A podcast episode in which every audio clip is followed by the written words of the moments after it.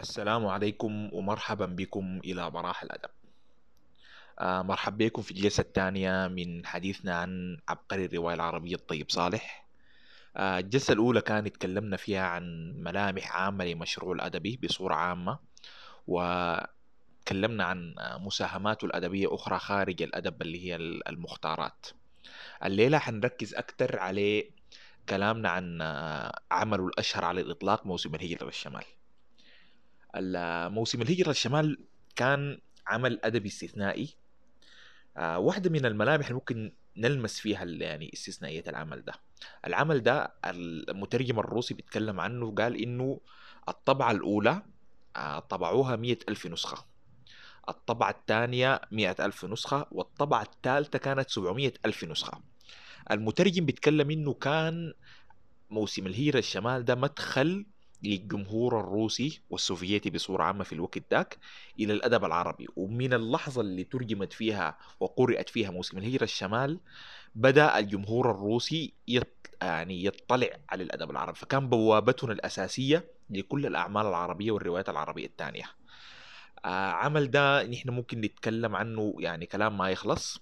آه دايرين نتكلم عنه من ناحية روائية ومن ناحية لغوية حنتيح الفرصة الأولى لمحمد النوراني حيكلمنا عن الناحية دي. تفضل يا محمد شكرا عمرو ومرحب بكم في سيرفر براح في الحلقة الثانية من تناولنا لمشروع الطيب صالح الروائي وتحديدا هنواصل في آه، تناول ما تبقي من أعماله وخصصنا الحلقة الثانية بشكل أساسي لتناول موسم الهيرة إلى الشمال الرواية الأشهر للطيب صالح. وحن بالنسبة للمداخلة بتاعتي حتقتصر على تقديم أو بتعتمد بشكل أساسي على الرؤية طرحها دكتور الشيخ محمد الشيخ في ورقته المعنونة بمنهج التحليل الفاعلي. وهي أفتكر إنها منهجية أضافت كثير واستكشفت كثير جدا من خبايا موسم الهجرة للشمال وتفاعلات الأشخاص والأمكنة والأزمنة والسياقات مع مع الشخصيات وبنية الرواية زي ما حنشوف. بشكل أساسي لأهمية الرواية في الأدب السوداني وفي أدب ما بعد الاستعمار مدارس كثيرة حاولت تقوم تحلل الرواية. شفنا تحليل ماركسي شفنا تحليل نفسي شفنا قرايات نسوية الورقة الشهيرة الخطاب النسوي. أول مرة في خطاب الطيب صالح الروائي بقلم أستاذتنا سلمى الشيخ سلامة. وشفنا قرايات كثيرة لكن آه، كلها كان بتنظر من منظور واحد وأغفلت جوانب تانية. التحليل الماركسي ما أفلح كثير في إنه آه، يصبر أغوار الرواية باعتبار إنه هي إحنا عارفين الخط الزمني ابتدت مع دخول الإنجليز السودان سقوط الخرطوم.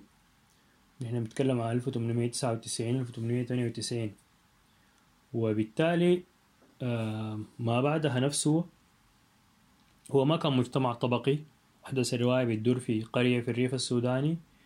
مجتمع ما قبل حديث مجتمع ريعي ممكن نقول عليه زراعة بسيطة مشاريع بسيطة ما في رأس مال ضخم بيئة قاسية ما في مجتمع صناعي. فالحاجة دي قللت من القوة بتاعت النتائج أو الخلاصات اللي لها الأوراق النحت المنحة بتاع التحليل الماركسي.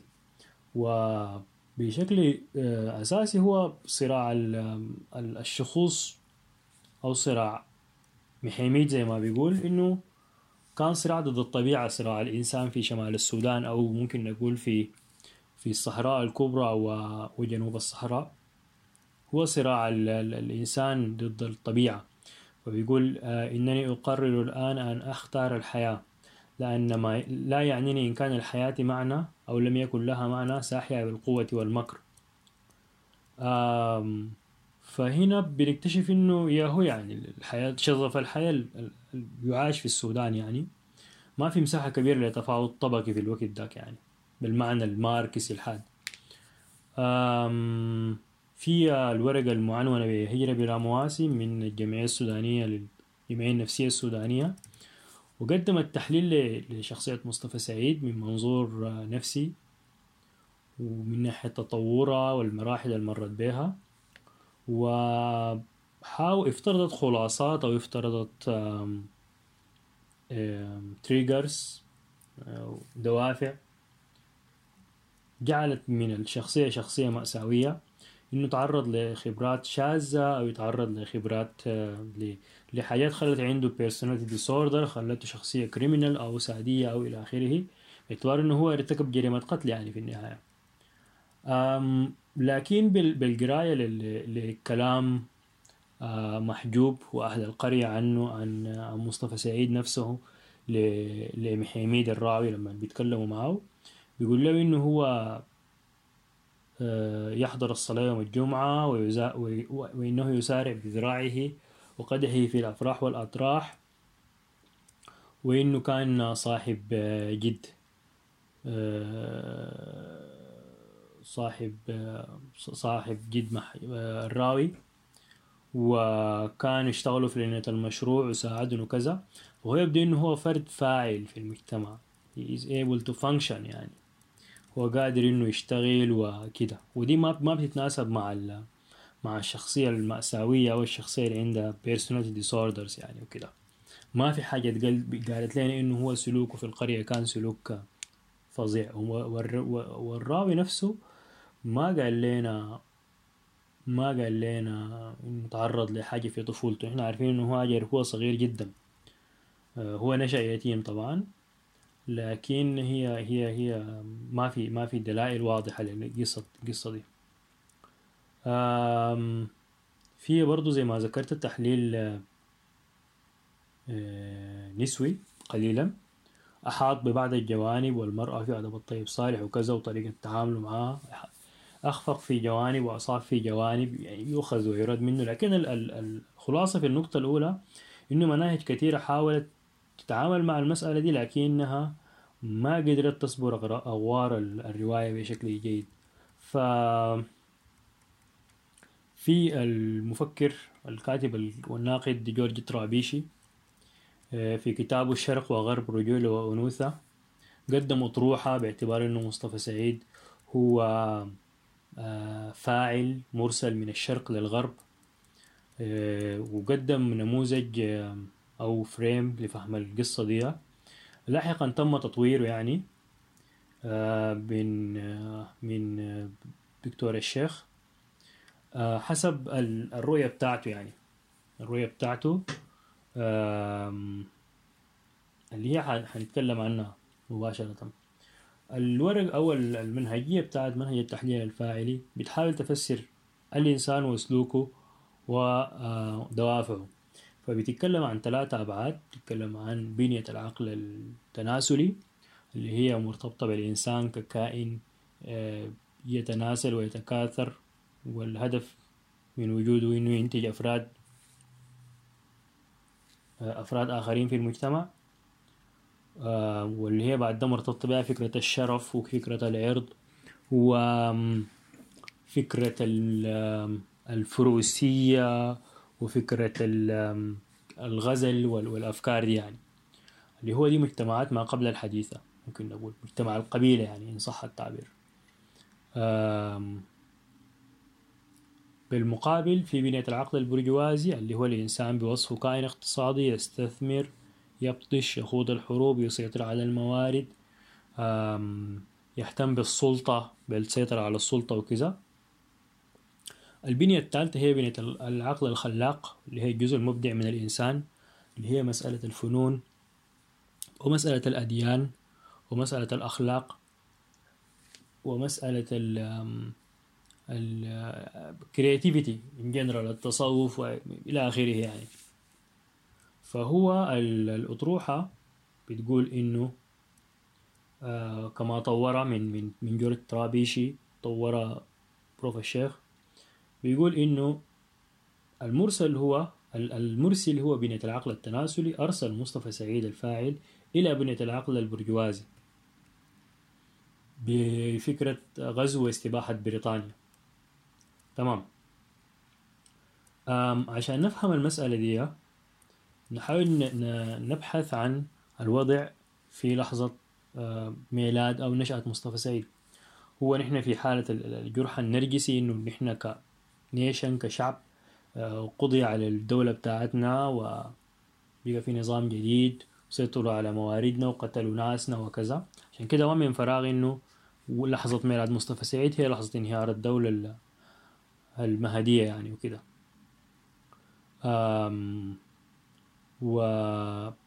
ومصطفى سعيد مشى. عاش الحياة اللاهية الحياة اللي فيها قدر كبير من الإباحية عشان يسترد أو يهزم الغرب في من ضمن أو في إطار بنية العقل التناسلي. ففي أسئلة مهمة متعلقة بأنه هو مصطفى سعيد نفسه رجع السودان ما مشى الخرطوم ما انضم لحزب. هو فضل إنه يرجع لبنية العقل التناسلي ويستقر فيها في قرية ما في حد يعرف عنه حاجة. وحتى ما يرجع ل ل الانتصارات الجنسية والحديث عن فحولته زي ما بيعمل ود الرئيس وبيت مجذوب وباقي باقي الناس يعني. فكأنه هو في ساعد بشكل قليل في في النشاط البرجوازي والنشاط الاقتصادي للقرية لكن ما ساعد بشكل كبير في النشاط البرجوازي يعني يعني بتاع البلد كلها. يعني يعني بمعنى إنه هو حقق إنه يكون الزول الأرباب زي ما بقولوا حقق نموذج الزول الفاضل في القرية ساعدهم بشكل بسيط لكن دي المساعدة المتوقع من شخص دارس اقتصاد سياسي ودارس علوم إنسانية في أرقى الجامعات وكان جزء من حركة البان أفريكانيزمي في في في بريطانيا الوقت ذاك وكذا. دي دي مؤهلات شخص يكون سياسي عظيم أو قائد. ما إنه يكون والله شخص ربى أولاده حسب الأصول وأحسن لزوجته وكذا يعني باعتباره شخص متوسط الحال ويفلح. يعني هو عطل كل إنجازاته في, في, في الأفق البرجوازي ده وفضل إنه يستقر في في القرية دي كشخص عادي يعني يكون من ضمن بنية الوعي التناسلي الشرط الإنساني حسب تعبير الشيخ محمد الشيخ إنه في الفترة بتاعت أحداث الرواية في الإحساس بالمرارة والهزيمة وفي سيادة بنية العقل التناسلي في القرية اللي هو كان موجود فيها. المستعمر حقق هزيمة من وجهة نظر بنية العقل البرجوازي. سيطر على موارد الاقتصاد مشروع الجزيرة مش عارف إيه لكن ما يتدخل في بنية العقل التناسلي بحيث إنه يغير طريقة حياته أو يتدخل في ثقافته وكذا. واللي هو ده الطابع الطابع الدول اللي تم احتلالها بواسطة بريطانيا مقارنة بالدول اللي تم احتلالها بواسطة فرنسا اللي هي تم تغيير القيم حقتها. فالمجتمع كان وما يزال في حالة صراع ما بين الوعي البرجوازي بتاع الغزاة والبنية الوعي التناسلي بتاع البنية المغزوة يعني. وما زلنا نعيش الصراع ده ما بين الأفندية والقرية. أو ما بين أكسفورد والجزيرة على تعبير دكتور منصور خالد في وصفه للسيد الصادق. طيب قمة الانتصار بالنسبة لبنية العقل البرجوازي البريطاني كان إنه كتشينر سيطر على البلد والخيرات وكذا زي ما قلنا والسلطة. وقمة الانتصار بالنسبة لبنية العقل التناسلي كان بالنسبة لمصطفى سعيد هي فكرة الاستحواذ على النساء. وطبعا المسألة دي بنلاحظها إنه في بنية العقل التناسلي هي ممكن نقول المجتمع السوداني التقليدي. قمة الإساءة هي مربوطة بالإساءة الجنسية أو الوصم بال بال بالعقر أو الشتيمة المتعلقة بالأم أو المتعلقة بالمثلية. دي تمثل قمة الإهانة لأنها بتطعن في في في يعني منطلقة من بنية العقل التناسلي اللي هي أساس المجتمع والرابط بيناته فبالتالي بريطانيا غزتنا انتصرت علينا بتصوراتها تصورات البرجوازية. مصطفى سعيد سافر بريطانيا غزا البريطانيات انتصر عليهم وواصل في عملية الانتصار واستباح أراض البريطانيين عشان يحقق الانتصار. لكن تمت هزيمته لما ذكر إنه قتل تمنه يعني الوحيد اللي قال إنه هزمته هي جيم موريس. لسبب بسيط. إنه مصطفى سعيد أغرى البريطانيات لاقاهم وانتصر عليهم لكن جيم موريس هي الوحيدة اللي هزمته لأنه الزواج في بنية العقل التناسلي المجتمع الجاي منه مصطفى سعيد لا يعتبر هزيمة بل يعتبر حالة من التعادل ومسألة النسب دي ما تعتبر آه مسألة مخزية أو مسألة فيها إساءة بالعكس بتعتبر جزء طبيعي من فكرة بنية العقل التناسلي. ففكرة الزواج نفسها هي اللي هزمت مصطفى سعيد وبالتالي جيم موريس هي اللي أفشلت المهمة بتاعته بتاعت إنه ينتقم من البريطانيات. آه فهي مارست عليه الشرط بتاع المجتمع الجاي منه إنه كأي أنثى سودانية أو من الشرق أو من الشمال حسب تعبيره. سوري من الجنوب حسب تعبيره. ما بتمارس معاه الجنس ما لم يكون متزوجة. لكن نلقى إنه جين موريس أجبرته وحرقت أوراقه و بل وصل بها ال ال ال إنها تغتاله تغتال نرجسيته الذكورية الشرقية. إنه آه قالت له آه فقال لها أنت تخونينني. قالت افرض أنني أخونك. صرخت فيها أقسم أنني سأقتلك. ابتسمت ساخرة وقالت أنت فقط تقول هذا ما الذي يمنعك من قتلي؟ ماذا تنتظر؟ لعلك تنتظر حتى تجد رجلا فوقي. وحتى حينئذ لا أظنك تفعل شيئا ستجلس على السيل وتبكي. هنا ده يكاد يكون يكاد يكون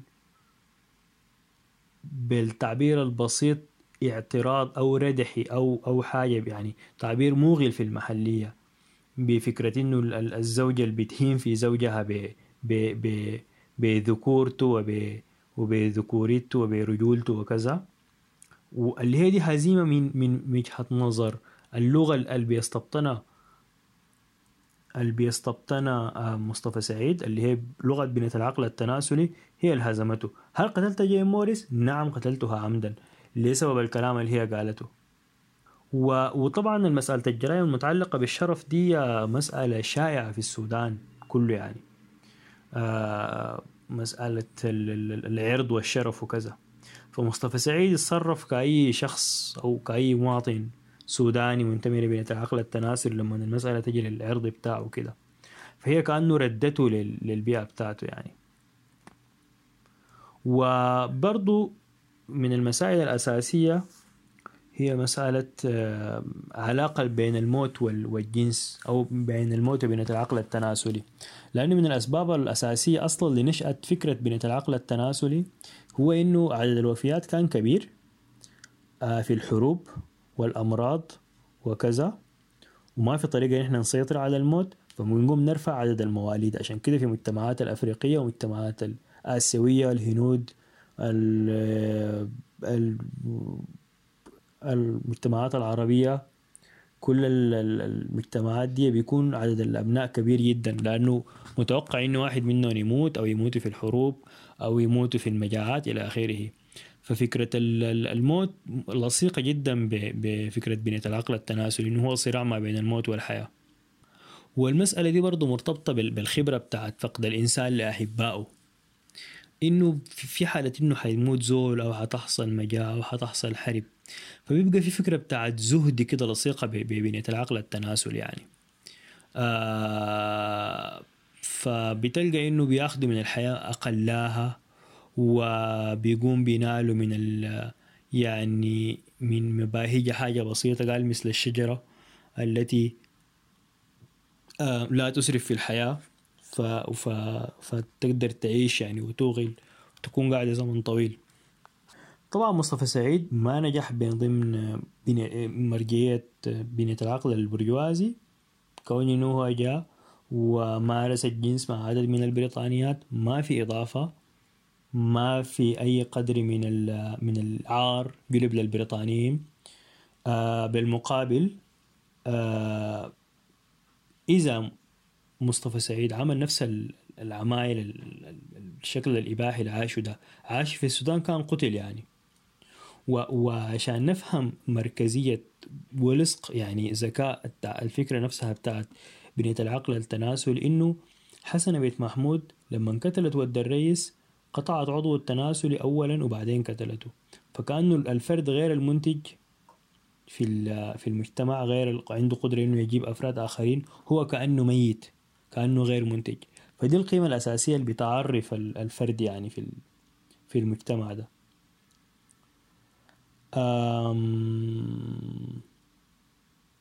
وطبعا بعد يتهزم اعتبار إنه تزوج جيم موريس وقتله كان عايز يعدموه. وهو ده النفس طبعا ال ال ال باعتبار ال فكرة الخلاص يعني أو البطولة المسيحية دي المسيح التاريخي ما المسيح الديني.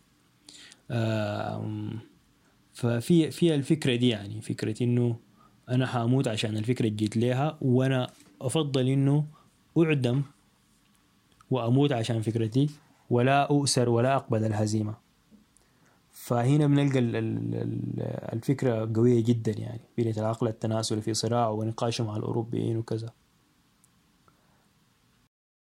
يصل الصراع إلى قمته والتفاعل ما بين بنية العقل الخلاق وتوظيفه في في خدمة بنية العقل التناسلي. لما يقول أقرأ الشعر وأتحدث عن الفلسفة والدين وأنقد الرسم أقول كلاما عن روحانية الشرق أفعل كل هذا حتى أدخل المرأة في فراشي ثم أسير إلى صيد آخر. هنا بشكل واضح يعني بنلقى تطبيق للفكرة. إنه هي مجرد يعني وسيلة لخدمة أهدافه بتاعت الانتقام من البريطانيين.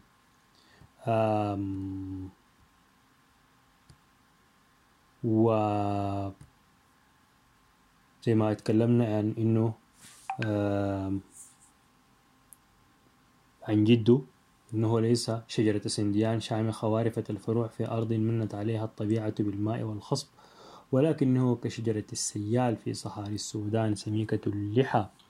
حادة الأشواك تقهر الموت لأنها لا تسرف في الحياة. وزي ما قلنا دي طبيعة العقل التناسلي بنية العقل التناسلي طبيعة السودانيين يعني عدم الإسراف في مظاهر الحياة وكذا. آه وبنفهم بنية العقل التناسلي ومركزيته من من العقلية السودانية إنه لما بيسألوا بيت مجذوب آه عن أكثر أزواجها يعني قوة وفحولة. فقام قالت له ود بشير ود البشير. فقال له ود البشير الكحيان التعبان ده.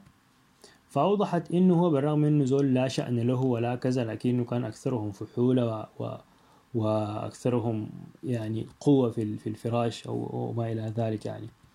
فهي كأنه بتقوم تقول إنه قيمتك الاجتماعية ما مهمة. المهم إنه أنت تكون قادر تقوم بالدور التناسلي ده. أكبر حاجة يعني. آه، فدي هي القصة يعني. تفاخر بعدد أولادك وكذا وكذا.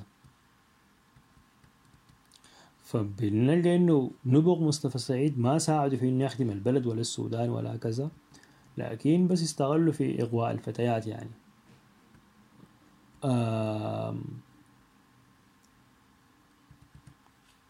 الورقة طبعا ممتازة للغاية. آه، فيها رصد واضح للصراع. وممكن نستصحب المسألة دي إنه ما زال المثقف السوداني يحاول يبحث عن آه، انتصاره من داخل بنية العقل التناسلي وليس من داخل بنية العقل البرجوازي عشان يصنع لنا حضارة ويصنع لنا آه، مؤسسات ضخمة واقتصاد قوي أو إلى آخره. كلهم ما زالوا يسلكوا سلوك مصطفى سعيد. إنهم بيهربوا للقرية أو يهربوا لفكرة إنه هو يخدم أهله ويخدم ناس بيته ويخدم قبيلتهم وكذا وأحيانا قد يخدم حزبه على حساب الرؤية الكبيرة يعني. وكلهم آه، بنلقى الحاجة دي في كلام الطيب صالح نفسه عن النميري وعن البشير وعن القادة ديل. إنه يقول والله راجل طيب والله راجل كويس والله راجل آه، طيب كذا. اللي هو طبعا ده بوضوح بمقياس بنية العقل التناسلي. هو أسرته بتكون شايفاه إنه هو زول كان متواضع يكرم الناس آه، يحسن لأبنائه آه، والله مع الجيران في البكا في المغابر شايل صينيته ملاحق الناس. المظاهر الكرم السوداني دي اللي هو ده الانتصار حسب تصور بنية العقل التناسلي لا بنية العقل البرجوازي. ما بيقولوا والله هو ده العمل مشاريع اقتصادية أو هو اللي أسس الشركة الضخمة دي. حتى لما نأسس الشركة الضخمة ما بيتم الاعتراف به إلا لما يبقى شخص آه، خير ورجل بر وإحسان ويدعم النوادي الرياضية ويدعم الجمعيات الخيرية إلى آخره. ف تلخيصا للمداخلة الرواية بتتكلم حسب رؤية الشيخ محمد الشيخ إنها بتتكلم عن صراع ما بين بنية العقل التناسلي متمثلة في القرية في فكرة الشرف في فكرة قهر الأنثى وال وال وال وال وال والحياة الإباحية معاها من غير زواج. ده وال ده موديل كامل أو رؤية كاملة للتاريخ ولوضع الإنسان في الدنيا. ككائن المفروض يعيد إنتاج نفسه ويقاوم الطبيعة وكذا. وبين بنية العقل البرجوازي السيطرة على السودان وسيطرت على موارده قتلت السودانيين. وقهرتهم واتسلطت عليهم. لكن لا لا تعير بانا لفكرة الشرف والعرض والمسائل دي. وما تدخلت فيها وسابت السودانيين يختاروا الحياة الاجتماعية اللي هم عايشينها.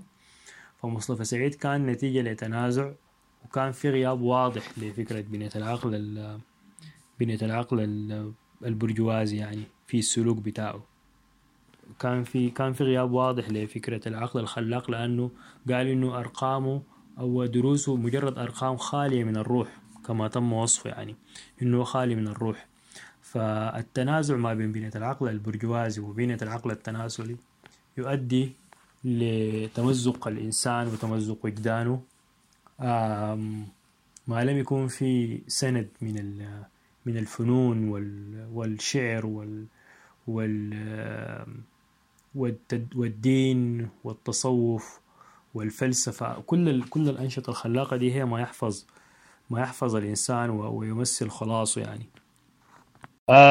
كل الحاجة اللي بقولها في حاجات كثيرة حخليها لناس تانيين يعني تحديدا المشاهد بتاعت آه الذي يسكر والذي يصلي آه لا أحد يعلم ما يدور في خيال الإله لعله لا يبالي. حخليها لباقي الناس تقوم تتكلم فيها. آه أنا خلاص مداخلتي خلصت. حقوم أقدم سانديوس. سانديوس محاضر محمد. في كل يا؟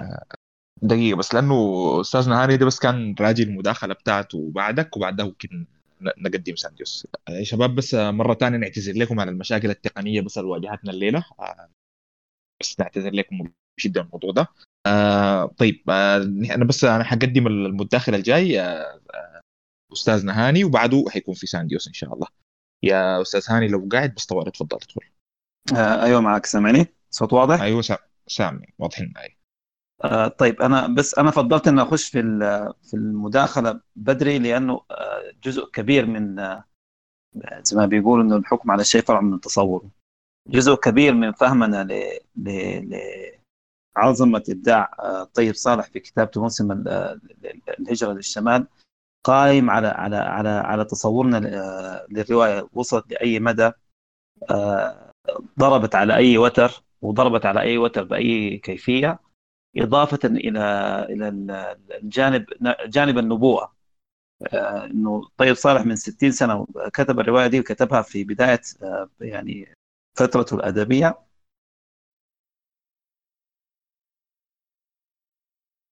طيب صالح في, في الرواية سواء كان يتكلم عن العالم في في مفهوم الصراع ما بين الشرق والغرب آه الصراع المحتدم اللي بين قوسين طبعا إضافة إلى إلى إلى وضعنا في السودان عموما يعني. آه أنا أفتكر إنه دي, دي كان حاجة يعني قوية خالص بصراحة وكل ما بقرأ الرواية أنا يعني آه بيجيني قشعريه صراحة من إنه إنه كأنه الزول ده كاتب وكأنه عارف باللي باللي حصل أو ممكن يحصل من وقت آه على أساس نفهم الشيء ده طبعا آه، في في ممكن نسميه في في ملاذ بتاع عزلة من فهم الرواية لكثير من المثقفين العرب عموما خصوصا العرب عرب الشام وعرب الخليج. أتذكر إنه يعني أو خلينا نقول مطلعين أو مهتمين بالرواية والأدب. كانوا كل فترة والثانيه بيختاروا كتاب أو رواية بيقروها وبيحللوها وكذا. ف ففتره كده فجأة كده اختاروا موسم الهجره الشمال. أنا تكيفت شديد يعني قلت يا سلام يا خناس يعني. بعد ما قروا الرواية يعني في الغالب كان أكثر انطباعاتهم أو خلينا نقول آه، أكثر انطباعاتهم حيادية. إنه إنه هم يعني مذهولين جدا من من بناء الرواية. ومن سبكها ومن سمكها ومن استبطانها للشخصيات ومن الطريقة الاختزالية اللي بيكتب فيها صالح عموما كل رواياته. لكن بيقولوا إحنا إحنا ما فاهمين أو خلينا نقول يعني آه، ما مركزين ليه الرواية دي طيب عاملة الراودة آه، والضجيج مما مما آه، نشر لأول مرة حتى الآن.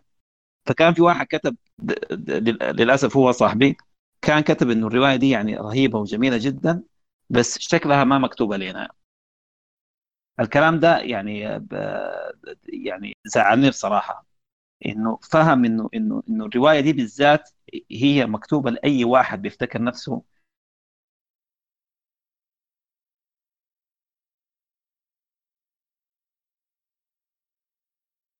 على كلمة مثقف ذاتها فباعتبار المقدمة دي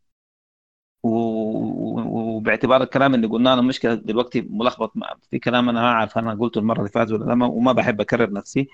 لكن آه، خلينا آه، يعني نسترجع أهم خاصيتين آه، أو ثلاث خواص بتلقاها في رواية الطيب صالح من يعني من ناحية أدبية خلاقة. واحدة منها إنه التقابلات اللي بيعملها بين الشخصيات ودائما بيكون عنده توازن خصوصا بين بين أدوار الراجل والمرأة. ودي موجودة في كل رواياته. الجزئية الثانية اللي هو الأدب الاختزالي زي ما قلت لكم إنه يعني إنه ما من الروائيين اللي بيعتمد على على السردية الذاتية ابدا. يعني مع إنه هو يعني يعني كان بيطوع كل أدوات القلم لحسابه لأنه الزول ده كان غير إنه هو روائي غير إنه هو كان يعني آه، متبحر في الأدب الإنجليزي والادب العربي القديم غير غير الشعر غير الموسيقى غير غير المسرح لكن مع ده كله يعني كان بيلعب بلياقة ثقيلة خالص في لما بيجي يكتب رواياته على أساس المسألة الاختزالية أو الايكونوميك زي ما بيقول بيسموها. الشيء الثالث وده اللي أنا شايفه مهم جدا عشان نفهم رواية الطيب صالح كلها وبالذات رواية موسم الهجن للشمال اللي هو مسألة التناظر. دائما أو يعني في في أكثر من سبعة أو ثمانية مواضع آه، طيب صالح بيدخلك في مشهد كأنه هو سرد بتاع حكي آه، وبيصير فيه مشهد معين آه، ثم تفاجأ بأنه المشهد الصغير ده هو عبارة عن يعني فعلا تناظر هندسي بديع لو قلنا انه هو بيرسم مثلث بيرسم لك مثلث صغير عشان بعد كده عينك لازم يكون على أبعاد المثلث الكبير اللي هو فوق فوق لعباءة السرد ومرات الواحد ما بينتبه لها أتوقع إنه كان من أوضح أنا ما عارف أنا عندي مشكلة أنا أنا عندي مشكلة إن أنا ما فاهم الناس اللي كانوا حملوا آه، شخصية مصطفى سعيد فوق ما ما تحمل. آه، وده جزء من من من من سوء فهم الرواية. آه، اولا هو ما مصطفى سعيد واحد هم اثنين. عندنا مصطفى سعيد في الفترة بتاعت في فترة وجوده في بريطانيا وعندنا مصطفى سعيد بعد ما رجع البلد. وديل تقريبا هم شخصيتين يعني بيناتهم تشظي لكن كل واحد منهم بيكمل الثاني. وما ممكن تحكم أو تفهم مصطفى سعيد من دون ما تلم الشخصيتين على بعض ونفهم دوافعها. هل شخصية مصطفى سعيد وده السؤال المفروض يطرح نفسه. هل هي شخصية بين قوسين واقعية ولا فوق واقعية؟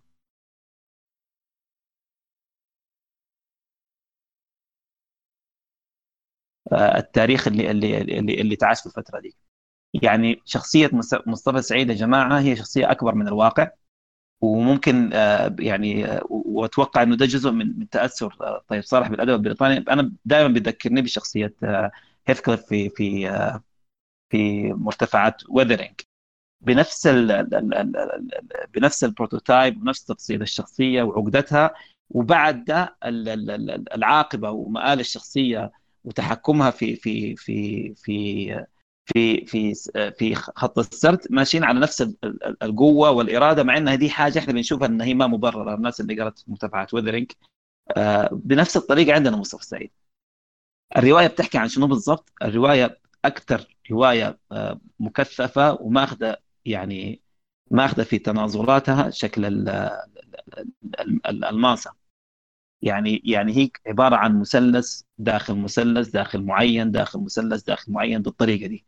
وهو بيحكي فيها عن الأزمة الوجودية والتاريخية آه، في في آه، في في العلاقة ما بين الشرق والغرب وفي علاقة المثقف في فهم أبعاد صراع ما بين الشرق والغرب. آه، على أساس كذا ما كان ممكن إنه يعمل الحاجة دي إلا لما نستخدم المجاز بين قوسين المجاز بتاع مصطفى سعيد. هل مصطفى سعيد آه، يعني لو إحنا أخذنا الرواية نفسها وحاولنا نحللها كخطوط سرد نلقاها هي ماشية على ثلاثة خطوط. آه والثلاثه خطوط دي كلها بتتضافر ما بينها. يعني هي ماشية زي الجديدة. بنمشي مع الخط الأول وفجأة بننتقل مع الخط الثاني في نفس آه آه في نفس مساق السرد وبعدين ننتقل للخط الثالث وهكذا. ولكن إحنا فهمنا القصة اللي هي خطوط السرد اولا من خلال الراوي. وده ده اللي بيمثلنا إحنا أو خلينا نسميه المنظور الأفقي اللي بيخلينا نخش في في أجواء الرواية. الراوي ده يا جماعة حاليا هو أقرب واحد لنا إحنا كشخصيات بيمثلنا إحنا. أو بيمثل الجيل بتاع المثقفين اللي هو من بعد من بعد الاستقلال. يعني من الستينات وانت ماشي لقدام. آه بعدين نتكلم عن عن كيف آه يعني آه كيف كيف أرخهم آه طيب صالح. الخط الثاني اللي هو الخط بتاع مصطفى سعيد از آه، يعني اللي هو كان بيحكيه في حضرته يعني ومصطفى سعيد يعني إنسان حاضر بيحكي آه، من خلال منظوره هو ومراقبته للقصة. الخط الثالث هو خط الفلاش باك. وده اللي كان لازم يكون فلاش باك عشان إحنا نكون نكون واقفين في الحياد نقدر نحكم أو نتفهم دوافع الشخصية بتاعت بتاعت مصطفى سعيد. آه، بداية أنا أنا ليه بقول إن هي شخصية فوق واقعية؟ لأنه تمصير الشخصية نفسها يا جماعة آه، هي هو تمصير ملحمي يعني يستحيل إنك أنت بتنزل شخصية زي شخصية مصطفى سعيد على الواقع وبيكون مجانس معه. بداية من آه، يعني من ظروف يعني حياته أبوه مات قبل ما يتولد وما كان عنده أخوان ولا أخوات وكان وده أغرب حاجة في الموضوع. في في اللحظة دي يا جماعة المفروض يكون في علاقة كاسحة سواء كانت سلبية أو إيجابية مع أمه لكن حتى علاقته بأمه ما كانت طبيعية لأنه ما كانت ما كان فيها الحدية دي. ما كان فيها ما كان فيها لا هي نسميها سلبية ولا نقدر نسميها إيجابية ابدا. كأنه الاثنين دين أغراض من بعض. وده ودي دي حاجة غريبة للناس اللي يعني يعني عارفين المجتمع الشمالية خصوصا لما لما يكون يعني تعاطيهم مع مع اليتامى مع أمهاتهم.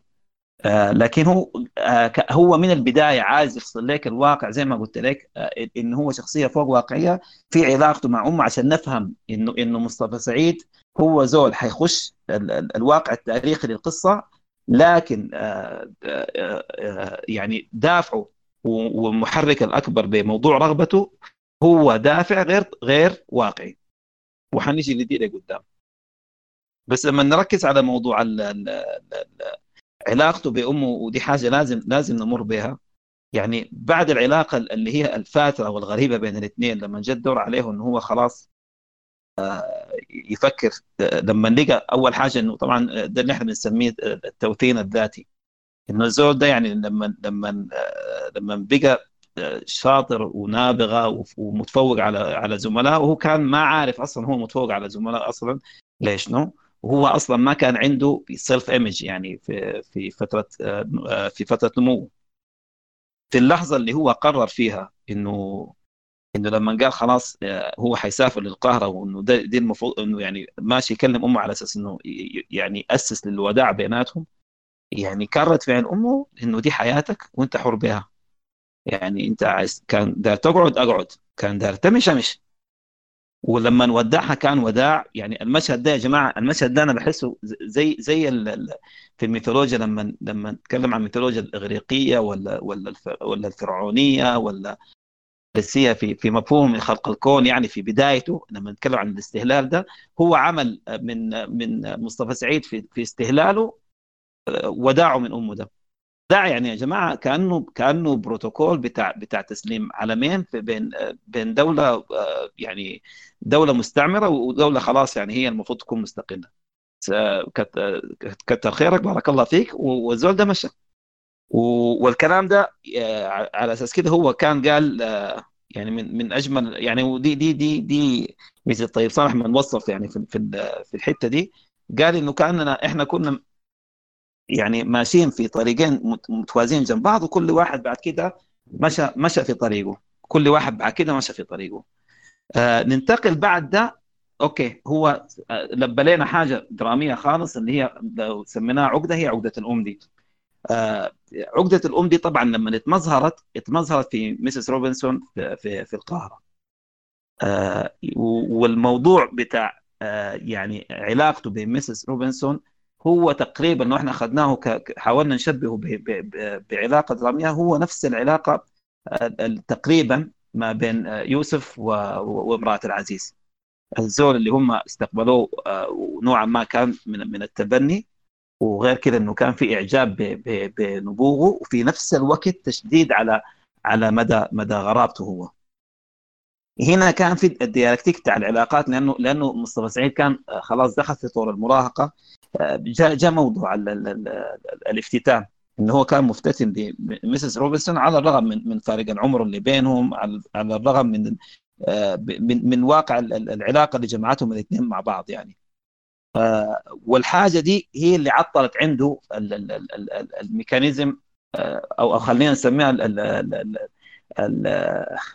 الليبيدو الغازي لأنه لأنه لما الوحيده اللي اللي يعني ممكن نقول نجت من براثن آه، مصطفى سعيد في الوقت ذاك آه، كان هي Mrs روبنسون وده ذكروني لقدام حنقول ليه ليه كان آه، تعامل مع Mrs روبنسون بالهالة الملائكية دي على أساس انه هو يقدر يختم الدائره بتاعت الصراع مع مصطفى سعيد مع مع مع الغرب الاستعماري ومع ثقافة الغرب الاستعماري. بعد خلاص آه المهمة ال mission بتاعت البطل مما مما مشى مما مشى بريطانيا. آه هنا آه ناس كتار طبعا آه زي ما قلت لكم الرواية دي بالمناسبة اتقرت بالإنجليزية قبل ما إحنا توصلنا كعرب يعني. وكان في افتتان رهيب خالص بالرواية دي والناس اللي بيقولوا إنه إنه هو كان يعني آه، ابجيجا اللي اللي, اللي سد حقنا يعني الكلام ده اتقال في عند النقاد الأوروبيين قبل ما يتقال عندنا يعني. نلاقوا الموضوع هو كأنه موضوع pay back أو أو أو انتقام آه، أو ثار يعني خلينا نسميه من النسق الاستعماري الغربي اللي جاء عندنا وإنه ده واحد مننا آه، مشى عشان عشان يقوم بالثار ده. في في السردية دي إحنا ما ما حنتذكر إلا هانيبال أو هانيبال طيب اللي هو القرطاجني اللي جاء من افريقيا اللي طلع من أفريقيا وكان ما في زو كاسح فيه ومشى لحد ما غزا آه، روما. بنفس المفهوم ده اللي اللي هو انقلاب القوى. آه، مصطفى سعيد هو عبارة عن عن هانيبال لكن آه، لكن مثقف وراكز أكثر يعني. وما كان ما كان عنده جيش كان براه ما كان عنده إلا سلاح واحد. هنا بينفصل السياق يا جماعة. صالح لما لما كان سألوه كم مرة في كم مقابلة يعني ما مقابلة واحدة لما كان بيتكلموا عن عن عن عن التوصيف والمشاهد الإيروتيك والجنسية في في, الرواية. كان بيقول يا أخي يا جماعة دي الناس عجائز في في في آخر عمرهم وعلى حافة الأبدية فطبيعي إنه بيقولوا الكلام اللي زي كذا وكأنك يا يا طيب صالح أنت ما يعني ما كتبت آه، لكن أنت ما ما ما حطيت عليها هايلايت إنه هي تعتبر جنسية. وده الكلام ودي انت لو حطيت يدك على الحاجة دي انت حتعرف انه الموضوع اذا هو موضوع مجاز. على أساس إنه زي ما قلنا إنك انت حتخط آه، آه، آه، مصطفى سعيد كشخصية واقعية حيفلت منك السياق. شخصيه فوق واقعية اذا علاقاته بالغربيات كلهم الأوروبيات دي كلها اذا هي علاقات مجازية بتوصف حاجة. بتوصف شنو؟ مسؤول ال pay مفهوم ال pay back والرد من يعني الرد الصاع بصاعين طبعا عند برضه في كم من النقاد الشباب لما أنا قريت لهم الانجليز يعني كانوا برضه دي واحدة برضه من من من الإشكاليات انه هو كان بيقول إن يمكن واحدة من أكبر الدوافع اللي خلت الرواية يعني تنتشر وتضرب الآفاق كلها إنه اللي هو إنه كان بيتعامل مع مع تابوهات منها التابو التابو الجنسي. لكن هو ما تابو جنسي. آه ناس كتار منهم كانوا قالوا انه إنه مصطفى سعيد آه في آه في, في الرواية ده بي بيمثل المقابل بتاع كونراد لما كان كتب أيام الكونغو والروايات اللي هو اللي هو يعني عقدة الإنسان الأبيض اللي هو من جاي من من برا عشان يخش ويغزو أفريقيا بمفهومه الاستعماري ده. عند ناس متخلفين متخلفين وجهلة وبدائيين إلى آخره إلى فهم كانوا بيقولوا ده نوع من من رد الاعتبار برضه للقارة الأفريقية. الموضوع يا جماعة كضدية أيوه. لكن لكن رواية موسم الهجرة للشمال هي قاعد قاعد قاعد تزيل العمش عن عن كليشيهات معروفة خالص على أساس إنه هو يوري يعني كأنه كأنه بياخذ راسك بيفره بيقول لك يا أخي ما تعاين هنا عاين في الحتة دي يعني. الناس اللي شبهوا الموضوع العقدة الجنسية اللي كانت عند مصطفى سعيد بإن هي واحدة من من تناصات أوتيل أو أوتيلو في في مسرحية شكسبير.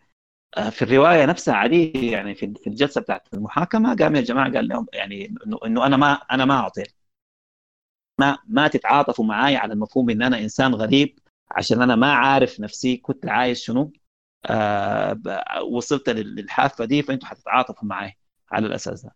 فاذا هو شال السياق ده. بمعنى آخر يعني كلامنا في في آخر آه أربع دقائق إن إحنا بنأكد إنه انه الموضوع ده إنه شخصية مصطفى سعيد هي فوق واقعية وإن المشاهد الايروتيك الجنسية لما نتكلم عن عن عن عن أوروبا بالذات هي مشاهد أعيدت كتابتها على أساس إنه هي بتلامس نمط ثاني غير النمط اللي إحنا شايفينه اللي هو شنو؟ اللي هو تعاطي المثقف العربي خلينا من هو أفريقي أو سوداني أو أو, غيره نقول المثقف العربي مع يعني مع استغراقات الثقافة الغربية في نمطها ما ما من اسي لأنه في الرواية ذاته يعني واحدة من الحاجات اللي شدتني إنه هو إنه هو كان بيتكلم يقول إنه هو ماشي لأوروبا عشان كان يعني كأنه بيتكلم إنه هو عايز يعالج الأمر الذي ظل لمدة ألف عام.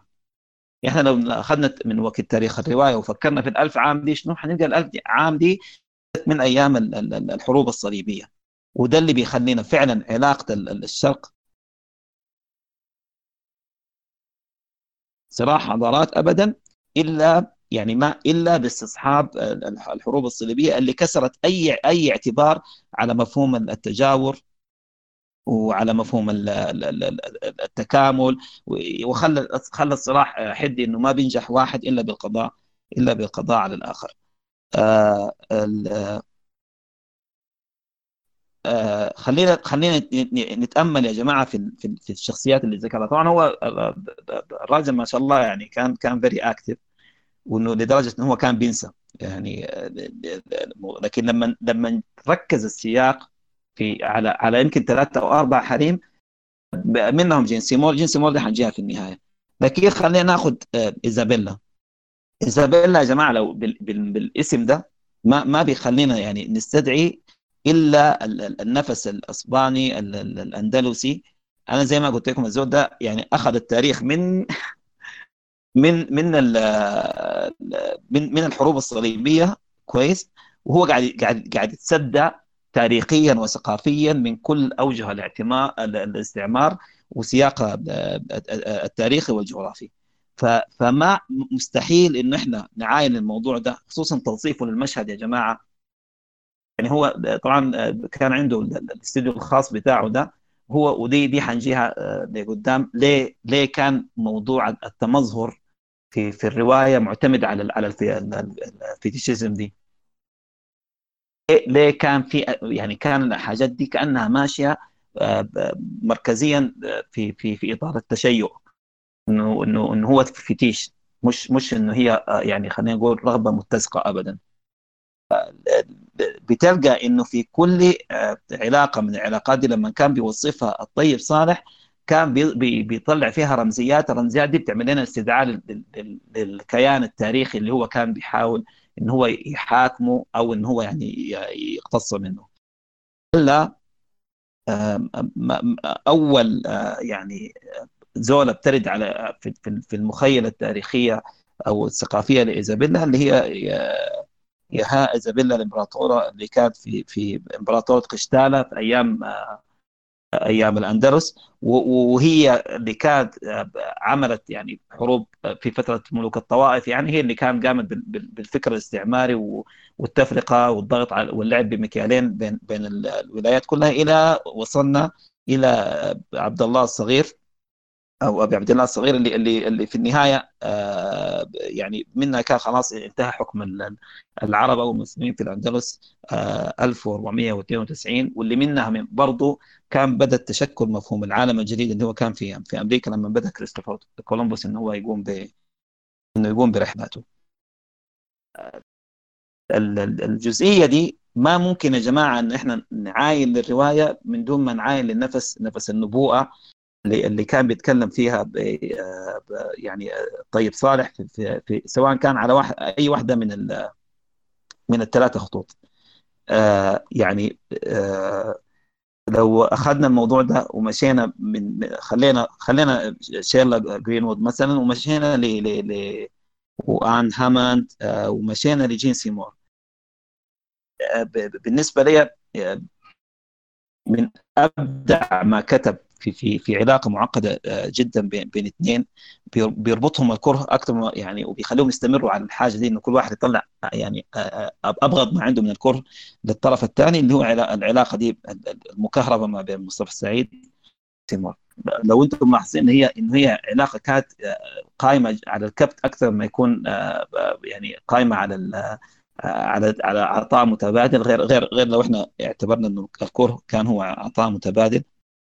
ومع ده كل واحد كان بيرضخ في في احتياجه للطرف الثاني عشان يبين تمثله هو.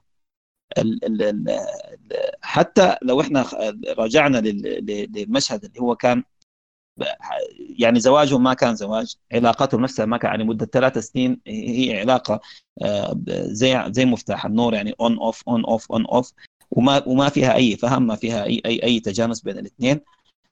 ولما جت المرحلة اللي اللي اللي اللي هو لما لما يعني جين سيمور يعني أدته نفسها مع إن هي زوجته لو نرجع ثاني للفتيش شوفوا الحياة اتغيرت كيف إنه بقى الموضوع عنده أشبه ما يكون تحدي. إنه آه إنه أول حاجة قالت له أنت عايزني؟ أول حاجة اخذت له آه فازه تراثيه من من الفخار وكسرته. ثاني حاجة آه، قالت له المصلاية دي شالت المصلاية قام جدعتها في النار وحرقته. كل وهي كل مرة كأنها بتقتل جزء يعني من من من من من من من, من, من آه، من وجود آه، مصطفى سعيد على أساس إن هي في النهاية تسمح أو أو تديه نفسها. حتى إنه أخذت واحدة من المخطوطات ودي برضه يا جماعة يعني الواحد لازم يعني يفكر فيها يعني في في تصميم المشهد ده إنه قطعت واحدة من المخطوطات وفي النهاية يعني بقت تمضغها في في فمها وبعدين بعدين تفلته.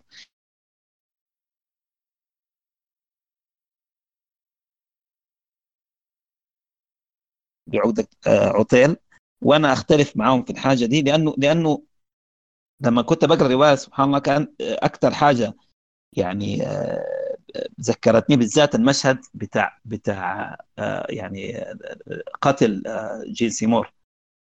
لأنه هو بعد الحاجات دي كلها لما سلمت نفسه لها جاء خط يعني وركز على الحاجة دي إنه إنه إنه خط يعني أحكم يدينه على في خناقة وبدأ يضغط على على رقبتها. وهي عاينت له بعدين قالت له يعني زي اللي قالت له كمل.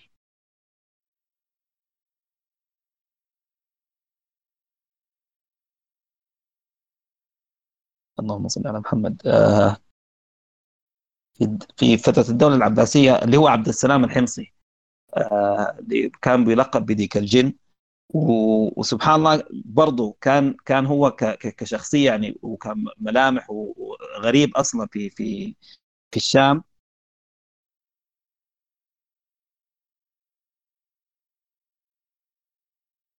إنه عشق ورد آه، بشكل مبالغ فيه لدرجة إنه إنه يعني لدرجة إنه كان يعني هل الغيرة الحاكمة اللي ما بتخليه ابدا قدر ما يعني بيكون معاها لسه بيغار عليها وما دار الناس عليها آه، ابدا ما تمشي في الشارع آه، ابدا وبس إنه تكون حاجة محبوسة له وله فقط.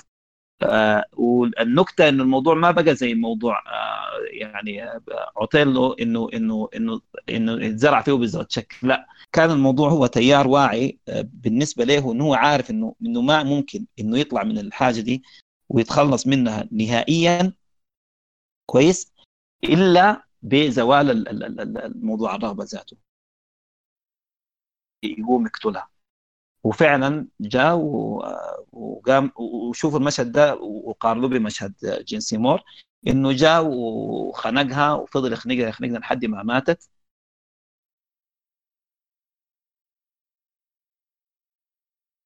آه، أخذ رمادها بعد الحرق وخطاه في كوب بتاع موية ولا خمر ايا كانت الرواية. وقام آه، آه، عفوا الصوت واضح يا جماعة؟ دخل علي خط بتاع تلفون ألو واضح يا مولانا واضح. طيب. آه ف فدخل آه فدخل عليه ال ال أخذ الحاجة دي وأخذ رمادة عفوا ودوبه في في في في في سائل وشرب السائل ده حتى الثماله وحتى يعني كان عنده أبيات مشهورة فهو حق عليها وما وطئ الثرى أعز إلي من عليها ما كان قتليها لأني لم أكن أخشى. إذا وقع الغبار عليها لكن ظننت على النفوس بحسنها وأنفت من نظر العيون إليها. أحكمت آه، كفي في مجال خناقها ومدامعه تجري على خديها. المشهد ده آه، فيه rearrangement في في في في في جين سيمور. ودي وده وده الإبداع اللي أنا شايفه في الرواية إنه كيف انه هو كان بيعنصر كل نسق استعماري وكيف إنه هو بيرد الصاع صاعين آه، في الحاجة دي. آه، الجزئية اللي الثانية اللي إحنا لازم نتكلم فيها اللي هو اللي هو تعاطي كشخصية مصطفى سعيد. هل هي بتمثلنا إحنا كأجيال ما بعد الاستعمار؟ هل هي بتمثلنا كلنا كمثقفين؟ أنا بقول لكم لا هو أحسن يمكن الوصول إليه. يعني آه، في في إن واحد عمل كل ما يحلم به المستعمر بأنه يلقى واحد يعني لدرجة إنه هو بيتكلم بلسانه وبلهجته وبيتعاطى معاهم آه، بدون بدون خلينا نسميها عقدة النقص في إنه هو يعني زي ما سموه كم مرة في الهناية إنه كان بيسموه الإنجليزي الأبيض.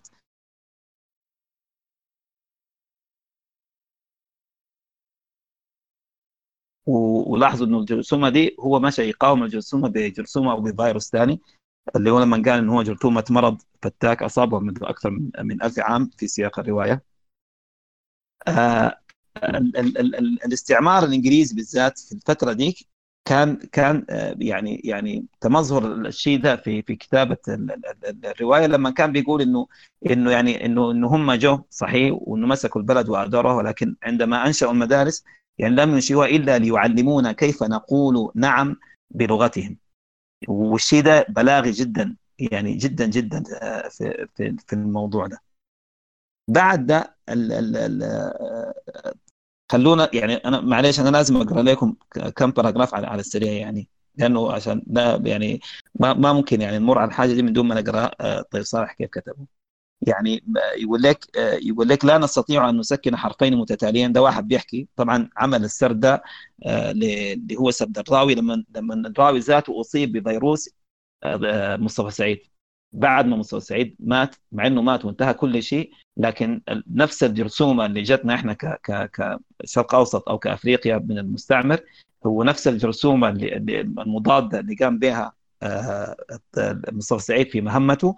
هي نفس الجرثومة اللي اللي اللي تشكلت في في وجدان الراوي وما قدر يكمل حياته ابدا بعدها بقى إنه هو يعني مستلب ومسيطر عليه ومستحوذ عليه بالكامل إنه هو لازم يعرف الشخصية دي يعني وصلت أبعاد لحد وين عشان هو يقدر يفهمها قبل ما يقدر يحاكمها أو أو أي حاجة.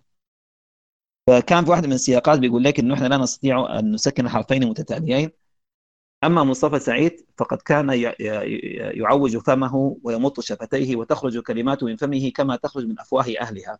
كان ذلك يملأنا غيظا واعجابا في نفس الوقت. وكنا نطلق عليه آه، آه، بخليط من الإعجاب والحقد الإنجليزي الأسود.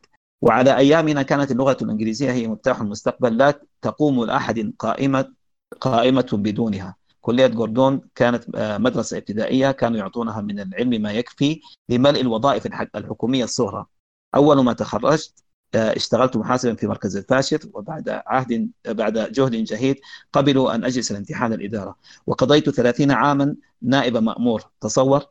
وقبل أن أحال على المعاش بعامين اثنين فقط لقيت مأمورا كان مفتش المركز الإنجليزي إلها يتصرف في رقعة أكبر من الجزر البريطانية كلها.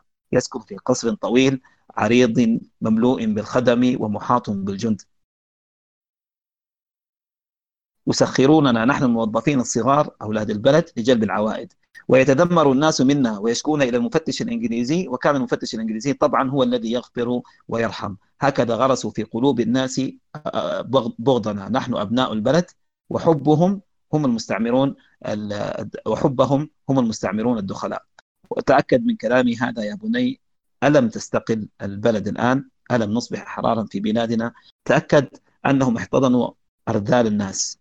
أرذال الناس هم الذين تبوأوا المراكز الضخمة أيام الإنجليز كنا واثقين أن مصطفى سعيد سيصير له شأن يذكر. وبعد كده بيكمل في الحكاية دي. يا جماعة السردية دي خدها من الاستقلال. لحد يأسي لحد ما بعد الثورة بتلقاها ماشية ماشية زي الحلاوة. ومدردقة معانا ومقسمة معانا كويس.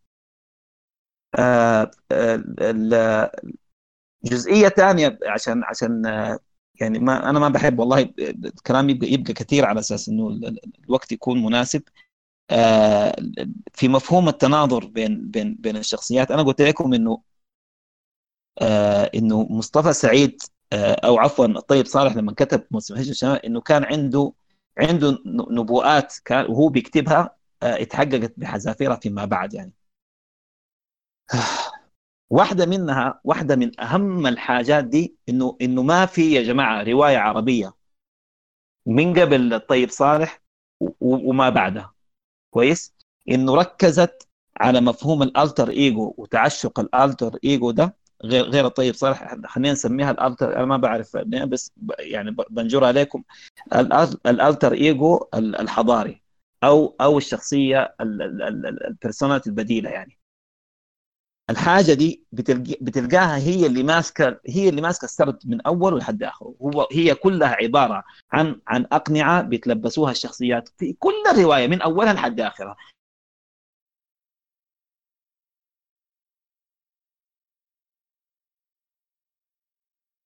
كان طاهر والدراواز كان كان الوحيدة المسكينة يا حسنة دي وحنجيها بعد شوية. ومعاه كل التمظهرات بتاع كل الشخصيات اللي كانت لابسة آه، أقنعة آه، في في في أوروبا. لو تتذكروا المرة اللي فاتت يعني قرينا مقطع على مفهوم المسرحة اللي كان بي بي بي بيتعامل معاها الطيب صالح.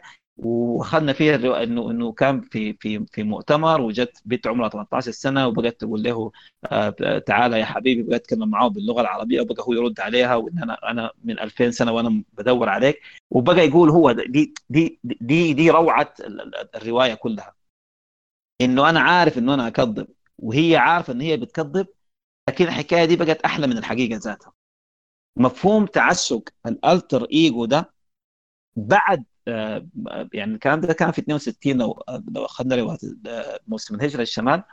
من السبعينيات يا جماعة بقى في فعلا تشرب بتاع تعشق بتاع alter ego بالذات في في في الحضارة الغربية بتلقوها ظاهرة في أفلامهم في موسيقاهم في طريقة لبسهم في الحاجة دي.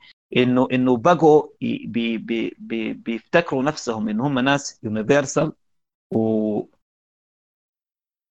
مطبعين بإنسانية كاملة ومتكاملين مع جميع الحضارات ال oriented يعني بالذات الحضارات الشرقية في اعتناقهم للدين البوذي في لبسهم للبوذي للرداء البوذي في في تمثلهم للهندوسية الفكرة في دي يا جماعة شنو؟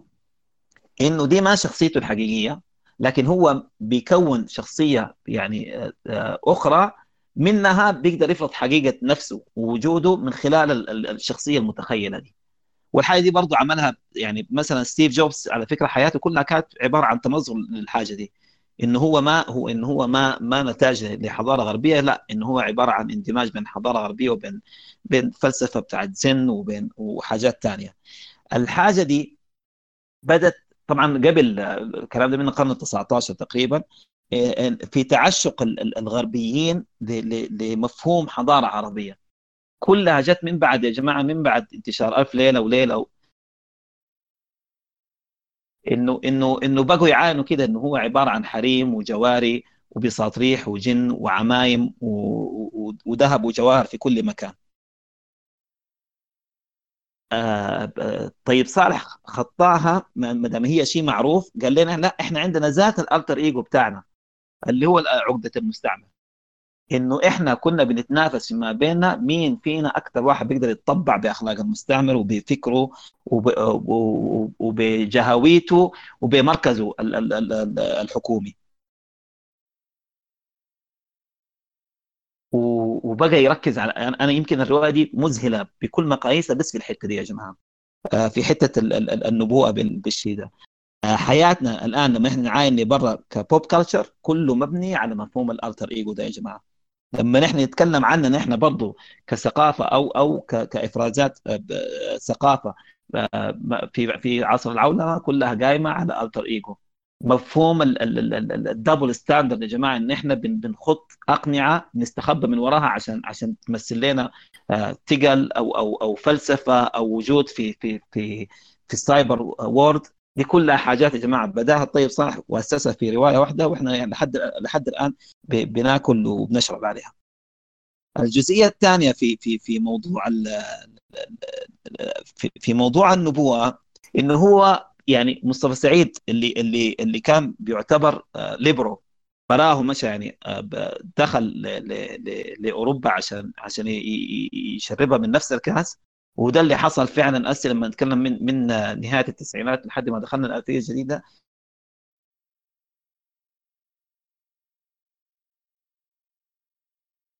إلى العالم الأول.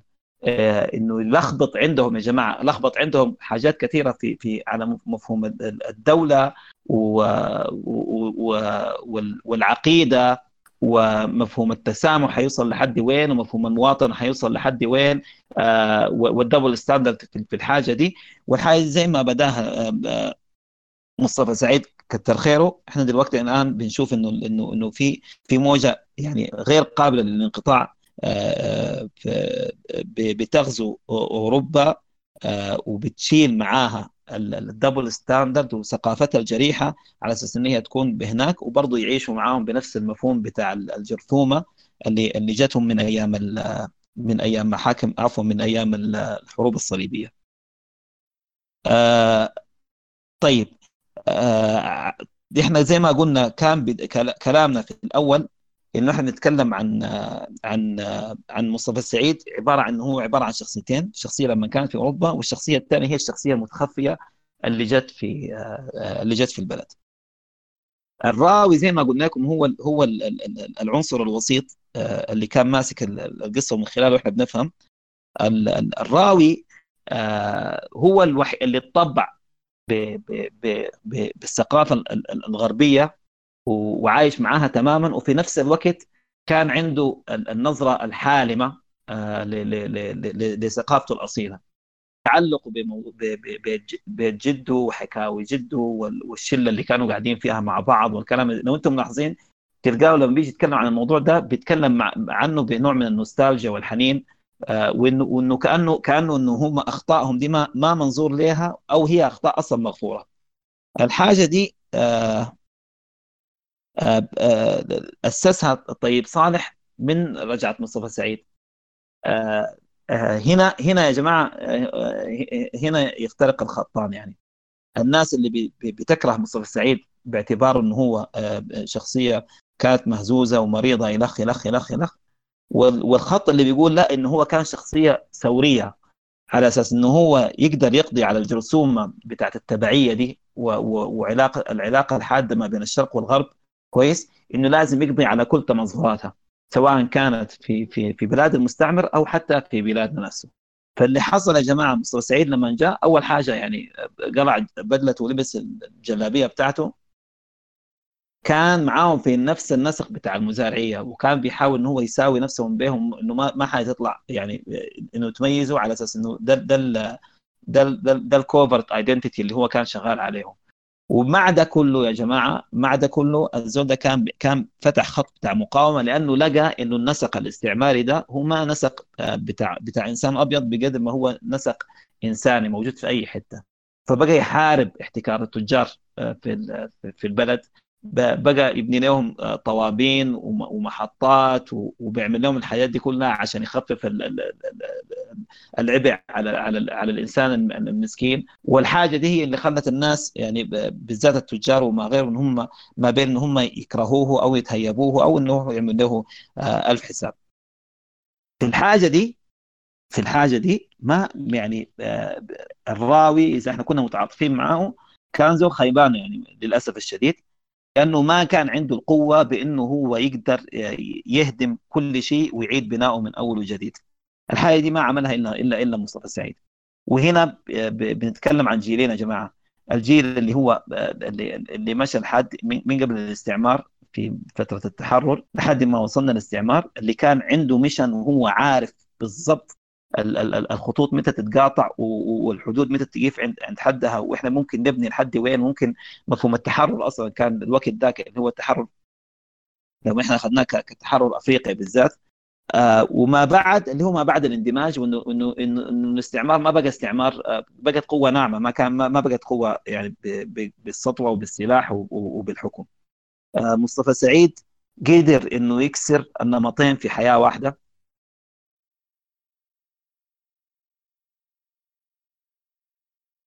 على أساس إنه كان في البداية إحنا نتخيل الميشن بتاعه انه هو إنه هو كان بيختص من من من نساء أوروبا أو من حضارات أوروبا خلينا نسميها الاستعمارية.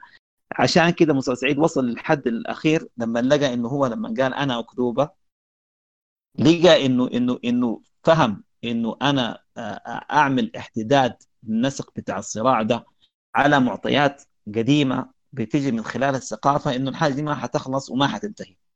هو وصل لآخر ما يمكن أن يصل إليه لما آه، في في علاقته مع مع مع جين سيمور.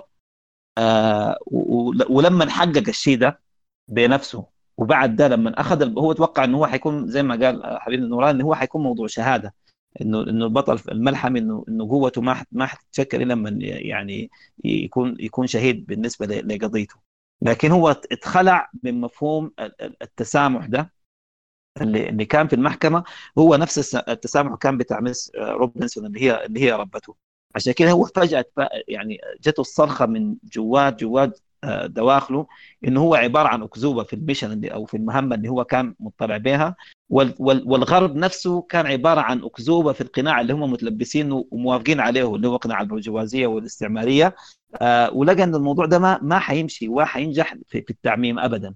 إنه إنه الحاجة دي إنه الحاجة دي لازم يكون فيها مراجعات 1 تو 1 بحيثية فردية مربوطة بسياقها ونسقها التاريخي اللي إحنا عايشين فيه ونسقها الاجتماعي. عشان كده كان رجعته للبلد كان هو اللي بتمثل هنا إحنا بنشوف مصطفى سعيد في في أجمل ما يمكن وبنشوف إن هو بيمثلنا كلنا في في في في مفهوم السلام اللي هو لقاه عشان كده بتلقى إن هو بيتكلم آه، لما يقول آه، إنه تمتلئ عيناي بالحقول المنبسطه كراحة اليد إلى طرف الصحراء. أسمع طائرا يغرد أو كلبا ينبح. وصوت فأس في الحطب أحس بالإستقرار. أحس أنني مهم وأنني مستمر ومتكامل. وبعد الكلام اللي كان قاله الراوي نفسه لما كان بيقول أذهب إلى جدي فيحدثني عن الحياة قبل أربعين عاما بل خمسين عاما لا بل ثمانين فيقوى إحساسي بالأمن.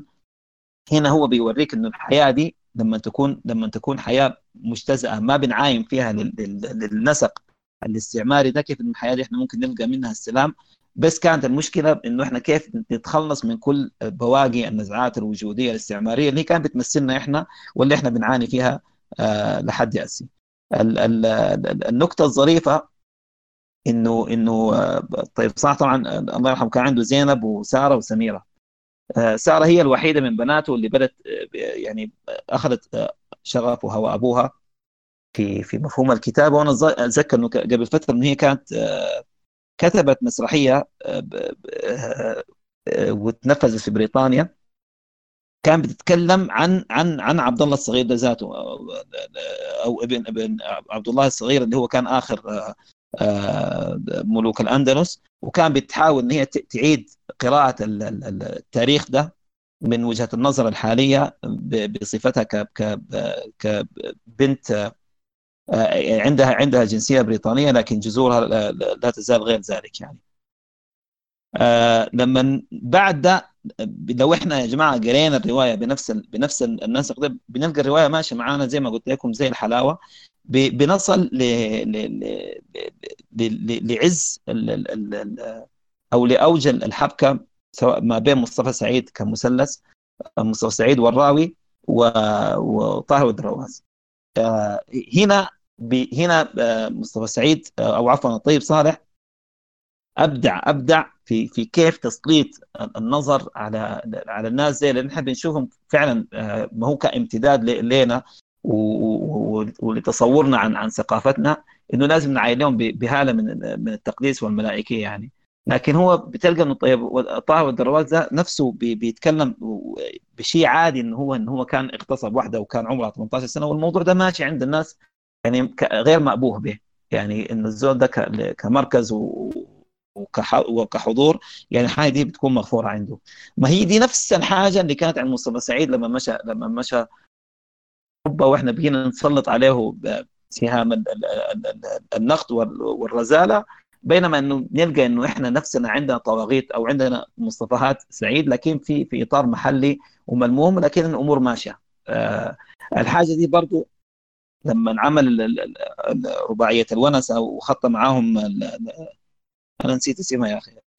بيت مجذوب هي زولا بتاعت سجاير وسفه وبتحكي معاهم كأنها هي هي والرجال واحد يعني.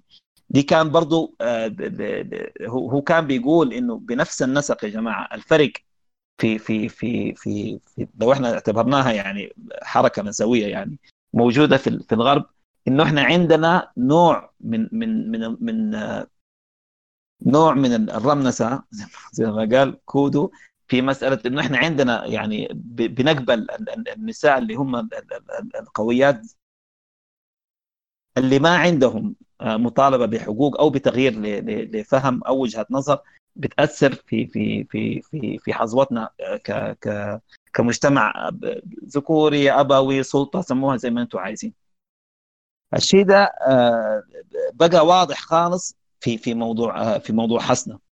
أنتم ملاحظين حسنة دي لا هي المتعلمة ولا اللي هي مشت برا هي ذاتها زوجة البلد. لكن متى بقى العين واقع عليها لما لقوها هي ذاتها تغيرت في طريقة تعاطيها مع حياتها في طريقة تصريفها للأمور في المسؤولية اللي هي بقت تقوم بها الحاجات. دي الحاجة اللي خلتها يعني يعني موضوع رغبة مشتهات بالنسبة للطاهر والدراس وغيره بالذات الراوي.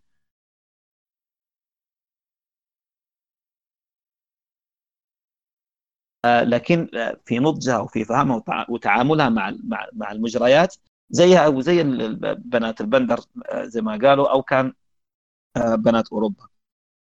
هنا هنا هنا وصل الحاجة وصل المثلث في في أحد زواياه إنه إنه إنه إنه الحيوان الراوي ده يعني إنه يعني هو كان ممكن إنه هو يعني يعني يعني يناضل أو يستميت في إنه هو يتزوج حسنه مع إنه عشان هو كان بيحبها وعشان كان هو أقرب إليها وعشان هي كانت بتحبه. ودي الحاجة اللي كانت واضحة خالص إن هي ما لقت إنه إنه ممكن بعد مصطفى سعيد إنه ما ممكن تتعايش مع أي زول ثاني غير الزول ده لما كان بقى يعني يعمل بوصية مصطفى سعيد وكان بيرعاها وبيرعى بيرعى, بيرعى اولادها لكن عنده تشكلت عقدة العيب والعقد الغريبة بتاعت بتاعت المثقفين اللي هم ما بعد الحداثة دي فهو ما قدر يواجه التيار كله. هي هو ده هنا على فكرة هنا آه الراوي عرف انه هو مستحيل انه هو يلبس عباية مصطفى سعيد مع إنه هو كان في نسق شبه استعماري. مع ناس طبعا كان بيقولوا انه هو كان داير يتزوج آه، حسنة كنوع من الاختصاص من مصطفى سعيد. لا هو الموضوع ما كده. كان بيكره مصطفى سعيد وعشان يحاول انه هو يفهم موضوع كرهه له لقى انه هو من أشد عشاق آه، مصطفى سعيد. ومشكلته اللي كسرته كشخصية انه هو مستحيل إنه يقدر يعمل اللي عمله آه اللي اللي عمله آه, آه، مصطفى سعيد. فعشان كده اتنكب وعشان كده اتنكر وعشان كده حسنا قام أخذها الطاهر والدراس أخذها زيها زي اي أي اقطاعي محترم. إنه دي مرة وما عندها مخ وغصب وهي, وهي شنو يعني فاكرة نفسها شنو عشان اخذت لها شوية علم وهنا إنه عاملة نفسها هي هي حتفضل مرة وحجيبها عندي غصبا عنها عشان كده كان ال ال لو أنتم أخذتوا المشاهد السادية دي بتلقوا إنه ده أكعب مشهد ساد يعني اقوى أقوى من مشهد جين سيمور ذاته ليه؟ لأنه ما كان في آه، ما كان في تقابل ما كان في consent أصلا. يعني يعني جين سيمور الاثنين متفقين في في في اتفاق ضمني على تحريك جوهر الكره والحقد ده. بالنسبة لهم لا ده كان عبارة عن نوع من أنواع السبي لا أقل ولا أكثر. وهنا جت تمظهر في في مسألة القطع اللي حصل والكلام اللي زي كده. طبعا في ناس من النقاد بيقولوا إنه ده دي قطع للآلة الاستعمارية وتعريتها. أنا يعني الكلام ما شايفه كده هنا كلامنا المجازي اللي تكلمنا فيه عن صراع الحضارات وتشيؤها من خلال المرأة في أوروبا آه، لما نيجي نتكلم في البلد لا البلد هنا دي الناس حقيقيين يعني.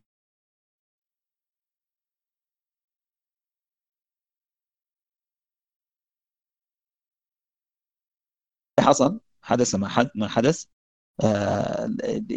دي آه، حالة مراجعة الذات الأخيرة اللي وقف عليها إنه إنه إنه إنه أنا إنسان هزيل ما حقدر أعمل اللي عمله مصطفى سعيد. مصطفى سعيد شخصية قدر ما هي متناقضة وقدر ما آه، قدر ما هي غريبة وقدر ما هي ملغزة وقدر ما هي سوداوية لكنها كانت كانت كانت شخصية معطاءة. ما كان عندها مشكلة إن هي تهد كل حاجة عشان تبدأ النسق تبدأ تبني النسق من أوله زيه زي أي يعني مثقف محترم ما ما دخل في في في دهاليز السياسة وملفات الاستعمار والسلطة وإلى آخره. هنا عمل شنو يعني مشى لنفس المكان اللي ودي دي حل دي دي, دي واحدة من أحلى التجليات اللي عملها برضه مصطفى سعيد. عفوا طيب صالح. إنه مصطفى سعيد يا جماعة ما ما تلقى جثته. الزول ده لما مات ما عرفناه هل هو مات ولا هو ولا هو درج في عليين ولا ولا هو مشى لكيان أو وجود صوفي ثاني خلى الموضوع ده بيجي بنوع من الأسطرة زيه زي زي وزي أولياء الصوفية. لكن كانت الفكرة فيها شنو؟ إن هم كانوا في في في في الضفة دي ولازم يتحرك شمال يعني على الضفة الثانية. كأنه ده ده ده مثلث التناظر الاخير يا جماعة. آه، زي ما هو عمل المشن بتاعه إنه عشان عشان يحل الإشكالية إنه في موسم هجره للشمال هو ده برضه كان في اتجاه الشمال بإنه يعبروا البحر. هو بيقول لك إنه مهما فهمنا ومهما استوعبنا وحللنا وقدرنا الحاجة اللي اللي اتعملت ثقافيا إحنا ما عندنا balls ال إحنا ما عندنا guts ال إحنا ما عندنا رباطة الجأش اللي بتخلينا نقوم بالشيء ده. عشان كده هو لما نحاول رمى نفسه في في النيل على أساس انه هو يحاول إن هو يعني إن هو يستلهم أو أو أو أو يتخيل آه، مصطفى سعيد عمل كده ليش؟ هو كان ماشي قاطع للشمال طنبل شوية وفي النهاية لقى إن هو ما حيقدر يكمل. طوالي هنا ودي روعة النهاية المفتوحة لأن طوالي وقف في حتته بقى يكورك وبيستنتج يستنجد بالناس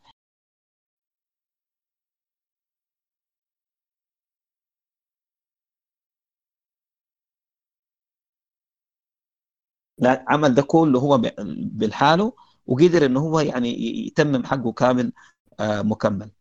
آه، حقرأ آه، مقطع عشان أنا بصراحة يعني اتلخبطت ما اعرف أنا الكلام كله اللي أنا كنت عايز أقوله قلته ولا لأ. لكن في في يعني يعني شوفوا يا جماعة شوفوا الزول ده قبل 60 سنة كان بيقول شنو؟ وبرضه أسقطوه على الواقع اللي, اللي إحنا فيه.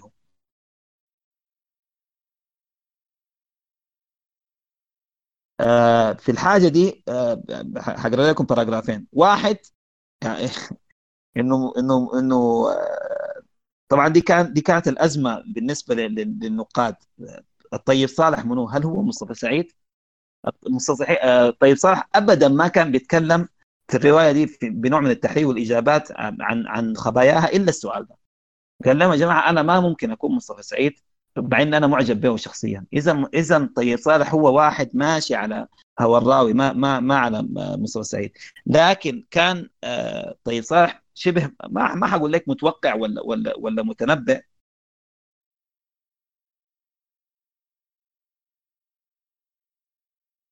والأسباب ما وراء ذلك كويس؟ كل الحاجات اللي اتقالت عن الطيب صالح اتقالت عن مصطفى سعيد في في الرواية ذاتها. يعني آه، طيب.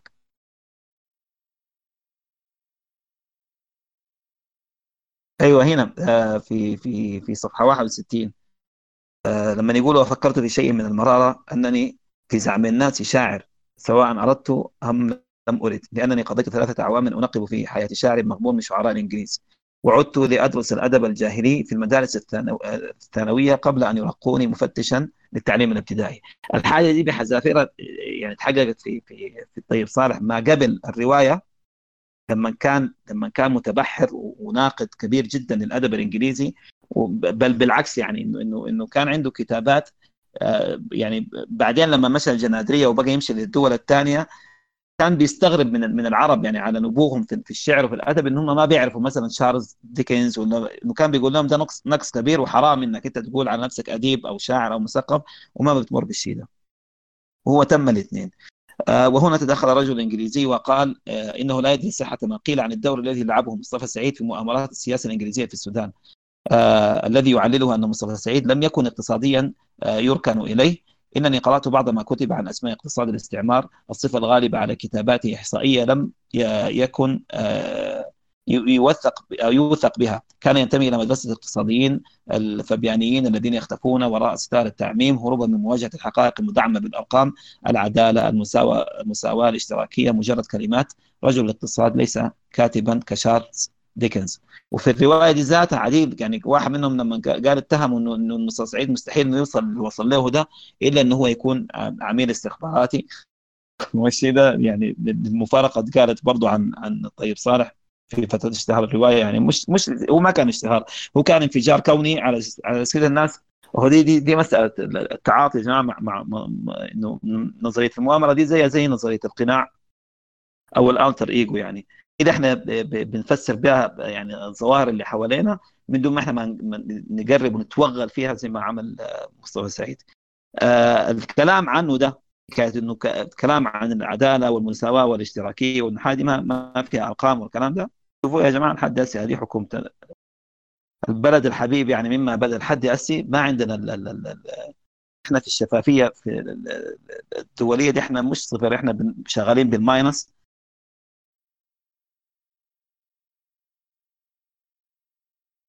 وفي نفس الرواية كان آه آه أيوه نفس الطاقة نفس الطاقة العاطفية المتطرفة تتجه إلى أقصى اليمين أو أقصى اليسار. استصحبوا يا جماعة العصر اللي إحنا عايشين فيه مش العصر الأيام اللي إحنا عايشين فيها دي. أو أنه فقط تفرع للعلم آه لوجد تفرغ للعلم عفوا لوجد حقيقيين من جميع الأجناس. ولكن ولكنتم قد سمعتم آه، به هنا. كان قطعا سيعود وينفع بعلمه هذا البلد الذي تتحكم فيه الخرافات. ها أنتم الآن تؤمنون بخرافات من نوع جديد. آه، طبعا خرافاته كان يقصد أن هي خرافات المثل والصوفية والأب نورماليتي. قال ها أنتم تؤمنون أنا بخرافات من نوع جديد. خرافة التصنيع خرافة التأميم الوحدة العربية خرافة الوحدة الأفريقية. إنكم كالأطفال تؤمنون أن في جوف الأرض كنزا ستحصلون عليه بمعجزة وستح وستحلون جميع مشاكلكم وتقيمون فردوسا. أوهام أحلام يقظة عن طريق الحقائق والأرقام والإحصائيات. يمكن أن تقبلوا واقعكم وتتعايشوا معه وتحاولوا التغيير في حدود طاقاتكم. وقد كان بوسع رجل مثل مصطفى سعيد أن يلعب دورا لا بأس به في هذا السبيل ولو أنه لم يتحول إلى مهرج بين يدي حفنة حفنة عفوا حفنة من الإنجليز المعتوهين.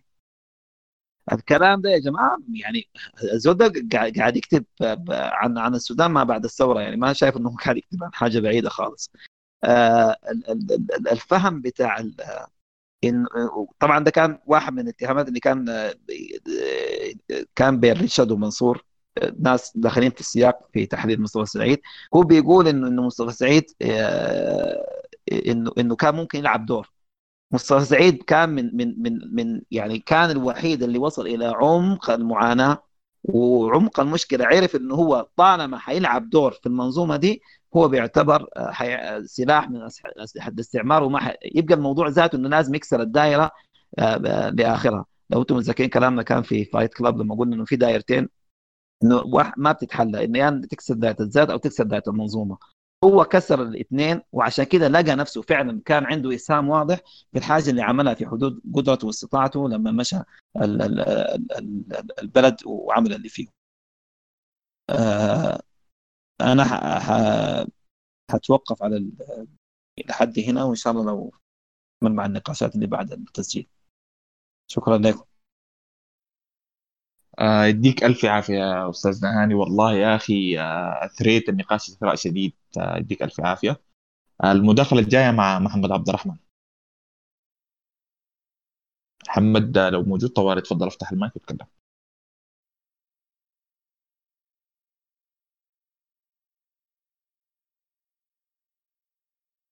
آه سانديس ما موجود؟ لا لا سانديوس ما, ما شايفه داخل.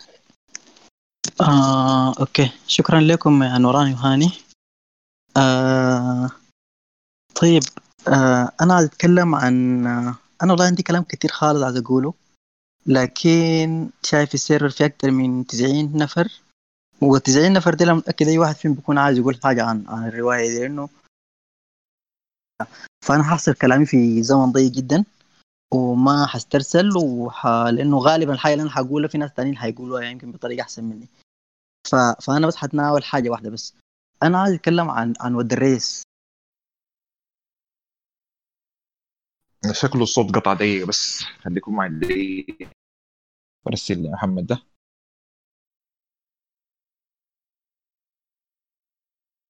صوتي فصل مش كده؟ سمعتوا آخر حاجة أيوة. وين؟ بس بدوب بس أنت تتكلم عن ود الريس وطوالي قطع في الحتة دي. طيب ود الرئيس هو النموذج بتاع بتاع مصطفى سعيد اللي في القرية اللي هو ما لقى الفرصة اللي لقاها مصطفى سعيد اللي هي خلق مصطفى سعيد التعليم النظامي البريطاني ومشى القاهرة وبعدين مشى المجتمع في الغرب واللي هو مجتمع مفارق جدا للمجتمع اللي هو عايش فيه وبقى الفكرة بتاعت إنه اللي حكاه هاني ونوراني قبل شوية. لكن ود الرئيس نفس النموذج نفس النموذج. هو آه، راجل مزواج. بيتزوج من كل القبائل ما عنده مشكلة.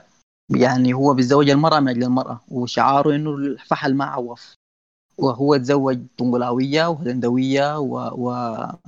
ومجموعة تانية من القبائل. تكاد تكون نفس القبائل دي لو شفتوها نفس القبائل اللي تزوج منها ال... ال... الإمام المهدي ذاته. خليفة الإمام المهدي محمد أحمد المهدي. آه ف... ف... ف... فالفكرة بتاعته الأساسية إنه هو بيبحث عن متعته الشخصية في الفرش. ده, ده, ده البارادايم بتاعه اللي قايم حوله حياته قايم على الحاجة دي. يتزوج ويطلق من كل الاجناس فالطيب صالح عكس في الشخصية دي حاجتين. إنه الإنسان ممكن يكون آه اللي هي الحاجة اللي بيقول طيب صالح كثير في لقاءاته. إنه الإنسان فيه أوجه كثيره آه والتزمت بيمنعنا إنه نرى نرى الحاجة دي. التزمت بيخليك تفتكر انك الحقيقة المطلقة. والفكرتك هي الصح والفكرة عند الآخرين هي غلط بس لأنه هم آخرين. فالحاجة دي انعكست في في في ود الرئيس. ليه؟ لأنه ود الرئيس أول حاجة مصطفى سعيد نفسه كان شايفه إنه هو شاف نفسه فيه. يعني مصطفى سعيد شاف إنه ود الرئيس ده أكثر زول بيشبهه. والحاجة دي عكست طيب صالح لما الراوي آه اللي هو نحن نفترض إنه محاميد لما الراوي خش الغرفة و ولقى لقى لقى إنه مصطفى سعيد رسام ورسم معظم أهل القرية. فقال إنه لكن شخص واحد كان عنده ثمانية لوحات الباقيين عندهم هو ما ذكر عندهم كم لوحة لكن بيتفهم من السياق إنه ترسموا رسمة أو رسمتين والدريس عنده ثمانية رسمات أربعة أضعاف وثلاثة أضعاف البقية. فده بوري إنه مصطفى سعيد كان شايف فيه حاجة أو أو شايف نفسه إنه إنه آه دي مراية له أو هو مراية له برغم الفروقات الكبيرة بيناتهم. لأنه هو قاعد فترة في البلد يعني هو جاء قعد سنة بعد سنة تزوج آه حسن بنت محمود اللي هم أصلا من قبيلة زي ما زي ما جد جد جد الراوي اللي هو حاج أحمد بيقول إنه قبيلة ما بتهتم بإنه يعرسوا آه نساء ما. ما بيهتموا بإنه يختاروا راجل معين اللي هي لأنها هي قبيلة مهاجرة آه لأن هي قبيلة وافدة على القريه ما, ما من القبائل القديمة في القريه ف ف, ف... ف... ودريس آه لما بيتكلم معاهم في المجلس بتاعهم اللي هو المجلس الرباعي بتاع الحجاج الكبار اللي هم الحجاج الكبار ديل عند الطيب صالح بيحكسوا التاريخ القديم بتاع السودان الفترة بتاعت المهد التركيه والمهدية. والدر... والدريس ومحجوب و... وبيت مجذوب وحاج أحمد اللي هو جد الراوي. اللي هو مجموعة منهم غاتلت مع المهدية مشت مع الحملة اللي اللي مشت رسل الخليفه التعايشي لمصر. وتم أسرها وكان حيتزوج منهم لكن جاءه الاغراب بوفاة والده واضطر يرجع. لما كان بيسالوا أنت ليه ما تزوجت من المصريات وكده يعني. ف فالمجموعة دي بتمثل التاريخ القديم. المجموعة التاريخ اللي بعدها مثلها مثلها آه، مصطفى السعيد نفسه لأنه تولد سنة 98 1898 دي السنة بتاعت الاستعمار نفسها دخول الاستعمار. وتقريبا مات أو غادر بالطريقة المفارقة بتاعته دي. مع مع الاستغلال لأنه هو لو لو تبعت التاريخ والسنوات اللي هو ذاكرها يكاد يكون يتوفى أيضا في بداية الخمسينات أو في منتصف الخمسينات كحد أقصى. اللي هي دي الفترة الغادرة فيها الاستعمار البلد يعني؟ ف والمجموعة اللي بعدهم اللي هو الجيل بتاع الراوي نفسه محميد ومحجوب والمجموعة اللي حولها دي الجيل اللي بعد الاستغلال. اللي هو الطيب صالح تناول مشكلة بصورة بسيطة جدا في الرواية دي لما يتكلم عن عن, عن مشكلة كانت في في الجمعية الجمعية الزراعية. إنه بعض المزارعين بيفتحوا الموية أكثر قبل قبل زمنهم. طبعا الجدول جاي ماشي المفروض تفتح الموية بجدول معين عشان الوراق تجيه الموية. هو الفلكس الدفع له ما يقل. فهم كانوا بخالفوا بعضهم كانوا لجنة المشروع. فهنا بيتكلم عن الفساد. فالحاجة تحت الفساد بتاع الجيل ده اللي هو ناس محجوب يتناولها بصورة ممنهجه في في في بندرشاه. يتناول قضية الحكم وقضية الفساد وقضية الأجيال الصراعات بين الأجيال وتتناول السلطة بتم كيف؟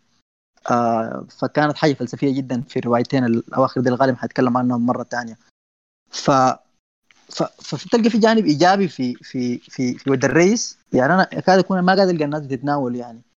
فلما كان بيتكلموا عن عن إنه آه هو محترض إنه يتم ختان الإناث ود الرئيس ود الرئيس نفسه.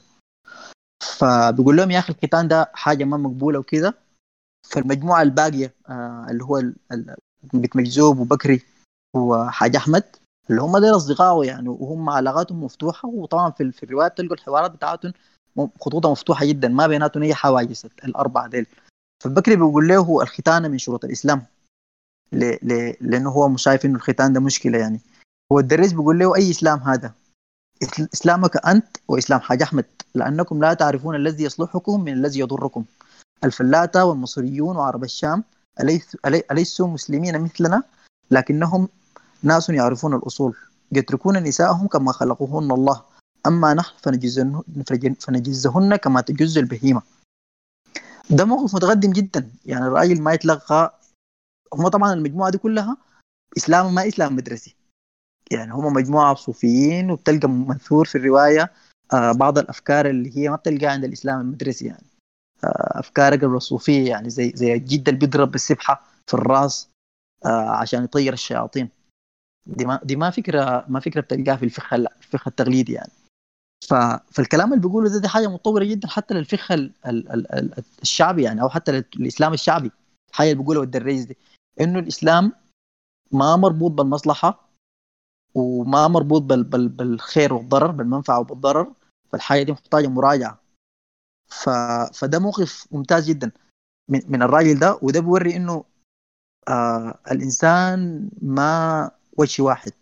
لأنه الرئيس بدأ حياته آه يعني حياته في حياته الجنسية بدأ بصورة بشعة وقوية جدا. اختطف جارية اللي هي رغيق توها بلغت فخطفها في ليلة واغتصبها. ولما جاء راجل يعني في المكان عمل روح عفريت وخوف الراجل وطلع. وعمه عيسى شافه. وطوالي في نفس الليلة عم عيسى مشى لوالد والده. ووالده أصر إنه يزوجه فتم تزويجه في نفس الليلة. ف ف فبوريك إنه يعني آه اللي هو نفس النموذج تقريبا بتاع مصطفى سعيد يعني. لما لقى آه أفتكر آه لما لقى تقريبا آه ان هاموند لقى عمره 18 19 سنة. وبنفس الطريقة يعني بس باختلاف بسيط يعني. تقريبا يعني غشاها بنفس الطريقة. فبس الفرق بهناك قوة الاقناع وهنا القوة يعني. وهو ظل يواصل يتزوج يتزوج. فلما لما. حسنا لما جات يزوجوها له وهي تصرفت بطريقة ثورية جدا مشت ل ل لجد الراوي. آه قالت له يا أخي خليه يتزوجني وأنا ما عايزه منه أي حاجة بس يتزوجني. ده موقف ثوري لأنه أم الراوي بتقول له يا أخي بنات آخر زمن. دي حاجة ما مقبولة وهي جنت ده فعل ثوري عديل من حسنه يعني. هي بقت مبادرة هنا بقت هي مبادرة نفسها. وال وال والشخصية بتاعت الم- المرأة المبادرة بصورة أكبر حاجة شفناها طبعا في في نعمة يا أستاذ زين. لكن شخصية حسنة ما بتقل في الثورية بتاعتها عن عن, عن نعمة لأن هي اتخذت القرار وحاجة مرفوضه النموذج الموجود المرأة عبارة عن تابع للراجل بغروا إنها تتزوج إخوانها أو أبوها أو ولي امرها بغروا إنها تتزوج هي عليها تطيع ما عندها سي يعني. فهي عمرها بتتكلم عن واحدة عمرها 30 سنة والدريس عمره 70 سنة. ده فرق بتاع أربع يعني والدريس اكبر من أبوها يعني زي ما في النص بيقول يعني. فلما جدها ما اشتغل جد الراوي ما اشتغل مشت لمحجوب صديقه العزيز واللي هو تربى معاه وطبعا محجوب ما وصل له الرسالة لكن ال ال الإيجابية بتاعتها دي هي رفضت إنه آه، يغاربها والدريس وقتلته بالطريقة اللي حكاها قبيل نوراني آه لكن في موقف تاني هنا في القصة دي اللي هي زوجته زوجة آه ود الرئيس. لأنه كان هو طبعا كان على على على على ذمته. آه امرأة اسمها اسمها مبروكة. اسمها مبروكة افتكر. ف... فالقصة دي كلها بتحصل والصراخ حاصل وبتمجزو وحسنة قتلته و... وقتلت نفسها. فبتمجذوب بعد ما عرفوا القصة وهم طبعا احتووا الموقف هي ومحجوب والرجال الكبار. فمشوا يصحوها يعني اللي هي زوجة ود الرئيس يعني مبروكة دي. فصحوها قالوا لها يا أخي حصلت كتلة في بيتكم وكده و- وبنت محمود قتلت ود الرئيس. فقالت في 60 داهية. النص حرفيا كده في 60 داهية يعني in quotation في, في, في الرواية يعني. وواصلت نومة. ف وفي تجهيز الجنازة وكده قال بنت مجذوب بتحكي انهم بيسمعوا شخيرة يعني. فبعد ذاك لما جو يبكوا معاه النساويين طبعا العادة لازم يبكوا معاه عشان ما تشيل اللوم وكده. فقالت لهم كل واحدة تروح لحالها. ود الرئيس حفر قبره بيده. بنت محمود بارك الله فيها خلصت منه القديم والجديد. القديم والجديد. القديم اللي هو اغتصب ال- الجارية اللي توها بلغت دي لما كان هو هو صغير يعني صبي. والجديد طبعا يعني متحرك هو في القصة دي. فأنا دائما بفكر هل الطيب صالح؟ لأنه واضح جدا إنه طيب صالح رابط مصطفى سعيد الشخصية بتاعت مصطفى سعيد اللي في لندن ب ب بود الرئيس. فدائما بفكر هل العقاب اللي قاه ود الرئيس بالطريقة الملحمية دي هي بتشمل هو ده الدين شيك كان مفروض يتصرف منهم هم الاثنين فيعني أنا بيتهيألي دائما هو طبعا طيب صالح ما قدر يعرف الراجل ده يحصل شنو يعني مصيره مصير مجهول. هو في الرواية واضح إنه ما قدر يصل لإنه المصير بتاعه شنو خلى خلى المصير بتاعه مفتوح اللي هو ده مصير الاستعمار. في النهاية هنا في اللحظة دي يمثل استعمار الفترة بتاعت حياته بتمثل استعمار فهو زي كأنه طيب صح داير يقول الاستعمار خلى خلى ال ال ال ال الخيارات قدام الاستعمار مفتوحة. آه ما معروف مات خرج قتل نفسه براه حيرجع عنده أتباع ما عنده أتباع ما معروف. لكن زي كأنه حمل الشيك جزء من الشيك بتاع مصطفى سعيد حمله لود الرئيس بالقتله الحمية اللي هي أبشع حاجة حصلت في الروايه ما في الروايه ما في أبشع من الموقف بتاع القتل اللي حصل ده يعني. ف آه عندي حاجات تانية كتير عايز أقولها لكن آه أنا متأكد في ناس كتير عايزين يقولوا الكلام وغالبا أنا حقول ممكن يقولوا غيري. فأنا بحول المايك للبعدين خليه يتداخل عشان نلقى أكتر عدد من الناس يتكلموا الليلة. الليلة أنا خليه ممكن أكتر يوم نشوف فيه ناس يتكلموا. آه، يديك العافية والله يا محمد يا أخي يديك ألف عافية. طيب آه، نتيح الفرصة لبشير أبو سن يا السلام عليكم مساء الخير. آه، مساء النور عليك. أيوة كده سامعينك مساء الخير. خلاص اتفضل. طوالي مساء الخير عليك. سامعينك سامعينك. أيوه تفضل أنا مسموع؟ مسموع؟ مسموع أيوه يا بشير. آه أوكي خلاص آه، حابدأ آه طبعا سعادتنا كبيرة جدا بال- بالنقاش داير عن عن واحد من أعمدة ال- الأداني طيب صالح ما محتاج كلام كثير. آه لكن آه الوقوف عن عن موسم الهجرة إلى الشمال هو وقوف آه، آه، ظهور الرواية بنسختها الإنجليزية وبنسختها العربية.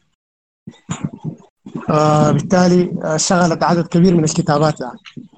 والكلام عنها أو قرايتها وهي زي ما تكلم عنها جورج طرابيشي بأنها قلعة من الرموز يعني. فبالتالي بيبقى التعامل مع أي حدث فيها أو شخصية أو عبارة آه، هي تعامل مع رمز حسب ال- القراية اللي بيقراها بها المتلقي يعني. آه، فبالتالي آه، هي بتدي لكل زول جايها بنظرة معينة بتديه مدى كبير جدا من الاستجابة لنظريته. يعني القراية القرابة جورج طرابيشي آه، مختلفة عن بعض القراءات اللي اداها عبد المنعم عجب الفيا عن بعض آه، القراءات اللي عملها الكتاب العرب وغيرهم يعني. وحتى بعض الآراء اللي ظهرت هنا في في في المحادثة دي النوراني وهاني ومحمد يعني كانت موفقة جدا حسبها آه آه، أنا ممكن آه قبل ما ما أطلع على مقال جوري طرابيشي اللي هو أنا بعتبره مقال من أكثر المقالات ال- اللي آه يعني بينت إلى مدى كبير يعني عظمة الرواية دي. كنت بحمل نفس الفكرة اللي كان بيحملها جورج لكن جورج مشى فيها أبعد وهو الرجل عنده مقدرات أعلى اللي هو إنه ال- آه، أو الشخصيات الرئيسية هي شخصيات حضارية بمعنى إنها هي تمثل آه، يعني هي مش شخصية مفردة كده ممكن آه، نلقاها في الواقع أو حاجة زي دي. هي هي بتمثل عقد نفسية وثقافية واجتماعية وبتختصر أزمنة وبتختصر أماكن جغرافية كلها بتختصرها في شخصية معينة. آه، طيب صالح حرك مجموعة من الأجيال بتحريكه لمجموعة من من الشخصيات. فبقى آه، الكلام عن مصطفى سعيد هو كلام عن جيل الكلام عن عن آه، الراوي اللي هو بيظهر في بعض الروايات الأخرى بأنه هو من حميد يعني. آه كلام عن جيل القرية هي نموذج مصغر لفضاء واسع شديد السفر بتاع مصطفى سعيد. لكن خلينا نتوقف بس عند الدخلة اللي هي أشار لها أشار لها جوي طرابيشي بأنه آه هناك بعض اللي بيصوروا أنه آه موسم الهجرة إلى الشمال هي صراع بين الشرق والغرب. وهو بيقول إنه الكلام ده صحيح طالما إفريقيا مسقطة من الحساب يعني. ولكن في اللحظة اللي يمكن فيها لكاتب من السودان إنه يكتب عن الموضوع ده فيتحول الموضوع من هو آه بين الشرق والغرب إلى بين الجنوب والشمال. عشان كده اسمها موسم الهجرة إلى الشمال ليس موسم الهجرة إلى الغرب يعني. آه فالغرب هنا بيبقى شمال والشرق بيبقى جنوب يعني. آه إضافة لكده آه أنا ممكن آه يعني يعني الناس بتكون مرت على مرت على المقال المقال موجود في كتاب جورج آه آه آه، شرق وغرب رجولة آه وأنوثة أزمة الجنس والحضارة في الرواية العربية. آه فمعاملة مصطفى مصطفى سعيد كشخصية حضارية بمعنى إنها هي اختصار لجيل هي دي دي دي حاجة هي اللي اللي آه كثفت الرواية كثير يعني. آه، الرواية هي قطعة من من من من لغز كبير يعني. عشان كده هي آه إضافة لقيمة الثانية. هي تحفة آه لغوية في المقام الأول. وممكن ده حسب ظني أنا اللي أخر إنه إلى الآن هي يعني بقت حاجة ممتنعة عن عن طموح ال- المخرجين انه تتحول لعمل سينمائي يعني. لأنه هي تكاد تكون عمل شعري. آه، الناس ما زالوا بي- بي- بيقتبسوا منها وممكن يشيلوا كلامه على مواقف كثيرة عن عن العبودية عن ال- ال- الفساد عن الحب عن ال- الشعور بالبساطة عن حبنا لبلدنا عن الحب السامي ده هي ما زلنا بنشيل ونقتبس منها آه ولكن الحاجة اللي عايز أجيب عندها هنا هو العلاقة بين الراوي ومصطفى سعيد. آه العلاقة بين الراوي وبين آه مصطفى سعيد. آه أنا برأيي إنه هم مختلفين تماما. اختلاف جذري.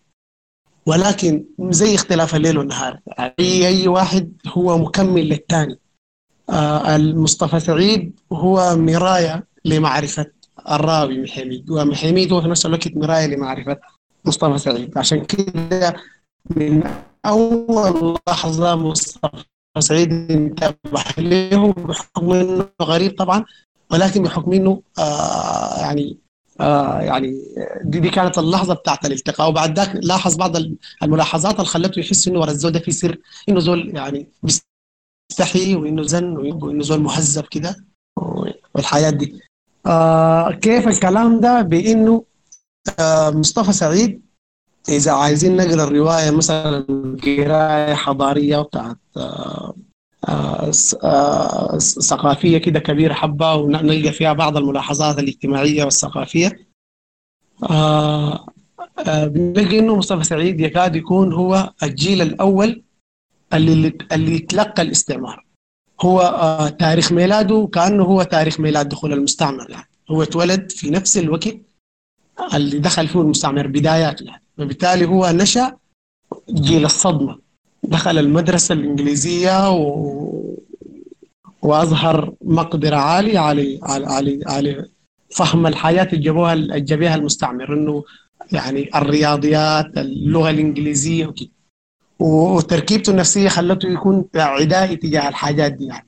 هو عدائي بنظرته هو وانتقامه آه كان على طريقته هو يعني اللي اختارها آه في نفس الوقت هو اخذ أخذ الموقف بتاع إنه عايز ينتقم.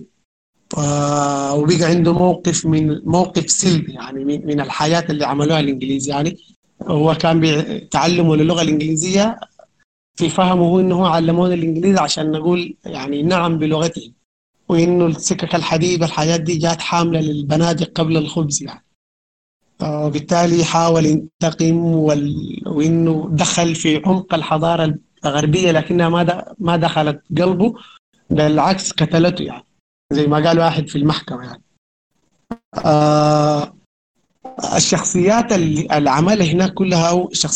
ال... النساء اللي تواجدهم هناك ممكن كلها ناخذها كرموز على الحالة الثقافية أو النفسية إذا حاولنا نختصر موقف أوروبا أو نجسدها باستعمال كناية يعني إنه نخليها كانسان آه أوروبا تجسدت. يعني بصورة شرسة زي ما تجسدت على في في شكل مدافع كيتشنر آه وفي في في اللحظة التاريخية الروائية دي يعني بتاعت إنه آه عندما يجي أبي محمود ود أحمد آه لكيتشنر كده المشهد ذاك اتجسدت له مرة ثانية هناك في شخصية جين في في شخصية جين موريس اللي هي أكثر واحدة هو رغب فيها شديد وعايز يمتلكها عايز يعمل إهينة عايز ينتقم منها عايز يحولها لامرأة آثمة يعني بعد ما تدخل غرفته بريئة يعني يحولها غرفة المقبرة طبعا. هي الوحيدة اللي امتنعت واللي دفعته ثمن ثمن الحياة دي كلها. يعني هي ما كانت عادية كانت شرسة. حباها ممكن نقول حباها حب حقيقي يعني. وعاي. لكن في سبيل إنه يحظى بها دفع ثمن كثير. الثمن كان رمزي في الصورة الأولى والثمن ثاني كان جريمة جريمة قتل. هو طلبت منه إنه يمزق بعض الأثريات مزق ستار حرق حرق قطعت مخطوطة. كأنه كأنه هنا في اللحظة دي عشان إنه يمتلك أوروبا أو يتنعم بها فهو مطلوب منه إنه يتخلى عن عن هويته دي يعني. إذا طيب صالح إذا قريناها على أساس انها هي إشارات للهويه يعني. السجاد المخطوطه اللي متزقتها وكده آه آه فجيم موريس كانت آه يعني تمثلت تمثل ثاني لأوروبا تمثل ناعم وجميل مغري مش زي مدافع كيتشنر يعني آه غير كده آه دفع ثمن الموضوع ده آه بجريمة القتل النهائية وخلته يعود للقرية إنه يلاقي جيل ثاني هو لاقى المستعمر لكن لاقاه بطريقة ثانية يعني مصطفى سعيد آه مشى هناك وعرف حاجات كثيرة في في الاقتصاد وبقى يحدث الناس ويكتب الكتب عن اقتصاد الاستعمار وبقى شخصية محورية شديدة ومعروف بالنسبة للنخبة هناك. الشخصية الثانية دي اللي هي شخصية الرواية أنا ما عايز أطيل بس عايز أوضح الحاجة دي. شخصية الرواية دي. أو الراوية معلش هي شخصية برضه زي مصطفى سعيد. قضت سبع سنوات في أوروبا. لكن كان في فرق أساسي كبير. مصطفى سعيد عدى حياته في لندن هناك في حالة صراع نفسية إنه عايز يقتل الليلة بيمشي بيصطاد إنه كانت المطابع تطبع الكتب والرؤية القاعة يعني تقام فيها المسرحيات بتاعت برنارد شو وكده. وهو همه إنه يحظى بواحد تاني كده ينتقم فيها يعني. واختياراته هي ذاتها قد تكون رمزية شديدة. آه لكن آه الراوي آه الراوية لما مشي هناك حياته ما كان فيها حدث مهم كبير يعني بدليل إنه ما روى حاجة أصلا عن عن تفاعلاته اللي هناك يعني كان مشى زول عادي بالعكس ينقب في حياة شاعر مغمور يعني هو كأنه ماشي يعني يكتشف للإنجليز رغم إنهم هم الحضارة الكبيرة دي واللي جو هنا عملوا المدارس وأنشأوا كلية غردون ودارين يعلموا الناس ماشي ينقب لهم في حياة شاعر مغمور عنهم ويطلع لهم ببحث بتاع الدكتوراه ودراسة عليا كده إنه آه أنا الزول جايكم من واحدة من مستعمراتكم دي جاي أظهر لكم واحد من منكم أنتم يعني. وسبع سنوات عدى في حياته وجا راجل والموضوع ده ما كانت حاجة واو كده ما زي مصطفى سعيد يعني إنه آه لا دار يعمل جريمه لا حس بإنه دار ينتقم ولا بالعكس كان موقفه هادي جدا إنه آه نازل آه إذا علمنا لغتهم لكن حننطقها قال أنا بس مشكلتي ما حافظ الاقتباسات يعني آه رغم إنه لو هديت حبه واحفظها يعني ممكن اقولها آه إنه كان بيقول إنه آه حنتكلم لغتهم من غير إحساس ب... من غير إحساس شنو بالذنب أو أو بالإعجاب أو حاجة دي. يعني مجرد لغة حافظها بيقضي بها بعض الوظيفة عشان ياخذ وظيفة في وزارة المعارف وكده. وإنه المصانع والمدارس والمستشفيات والسكه حديد حتبقى لنا نحن بعد هو يمشي يعني هو موقف مهادن شديد يعني. عكس موقف مصطفى سعيد. فبالتالي الجيلين ديل اللي هو الجيل اللي كان شرس شديد يعني في في في موقفه من المستعمر واللي نظر للموضوع ده نظرة عداء شديد. إنه يعني إحنا يعني واخذ يقاوم. واللي هو الجيل ده كان ذكي شديد يعني. ممكن هنا نشير لبعض براعة الجيل الأول يعني. كشخصيات سودانية حب نعرفها يعني كان ذكي شديد يعني. استوعب المنتجات. الحضارة الغربية دي بصورة مذهلة يعني. بالعكس بل بالأكثر بقى هو مصدر لهم يعني. آه وقدر يتشرب الحضارة الأوروبية زي مصطفى سعيد اللي هو مكتبته الكلام ده بيدل عليه مكتبة مصطفى سعيد إنه مكتبته كانت مكتبة زاخرة شديد يعني زاخرة جدا بكل منتجات أوروبا يعني. آه وفي نفس الوقت هو ما قدر على الحضارة هو يعني زي كرة المطاط دخلت الموية يعني. آه ما يبتلت يعني. أو زي الحجر اللي بتلقيه زي ما بقول الطيب صالح ذاته يعني. اللي هو هنا لما لما الراويه في في بدايات الرواية يقول لا لست أنا الحجر يلقى في الماء بل أنا البذرة تبذر في الحقل. أنا حاسس إنه الحجر الذي يلقي في الماء ده ده مصطفى سعيد. الحجر لما تدعو جوا الموية دي الموية الموية ما بتخترق جوا بيظل حجر يعني. كأنه ما دخل الموية اللي هو العالم ده كله. فمصطفى سعيد؟ آه يعني شخصيته النفسية بتاعته كانت مضطربة شديد لأنه هو اللي واجه لحظة الصدام مع المستقبل. هو ولد في نفس اليوم في نفس الشهر ممكن نقول اللي غزا فيه كيتشنر. فبالتالي هو يتعرف على أوروبا تعرف شائع جدا لحظة استعمار يعني. على عكس آه، الراوية اللي هو نشأ ممكن يكون خلاص نظره للمستعمر ده على انه المناظر بتاعت كرري اختفت من أذهان الناس. أو يعني بقى شنو ما الموضوع ما حاجة حارة شديد تدعو للانتقام فبالتالي آه كان كان كان شخصيته باردة ممكن نقول باردة. وأغلبية الاق- الاقتباسات ممكن نزول نقول بيشبهنا شديد يعني بيشبه الجيل ده يعني. عشان كده أنا قاعد أستغرب من الناس اللي لسه بيتكلموا عن موقف استعماري موقف غير استعماري والحياة دي يعني اخذها بمنتهى الجدية ده وكأنه عايز يرجعنا لأكثر من قرن لورا يعني من لحظة الصدام يعني كان إحنا ما دارين نتجاوز اللحظة دي يعني. ال- الشخصية بتاعت مصطفى سعيد كانت حادة جدا. بالعكس آه بعكس منه الشخصية بتاعت الراوي آه اللي هي آه كانت آه باردة. كان دائما كلامه فيه تأمل وما فيه قرار يعني. يعني بيتأمل القرية يتامل النهر يتامل آه آه الرمال.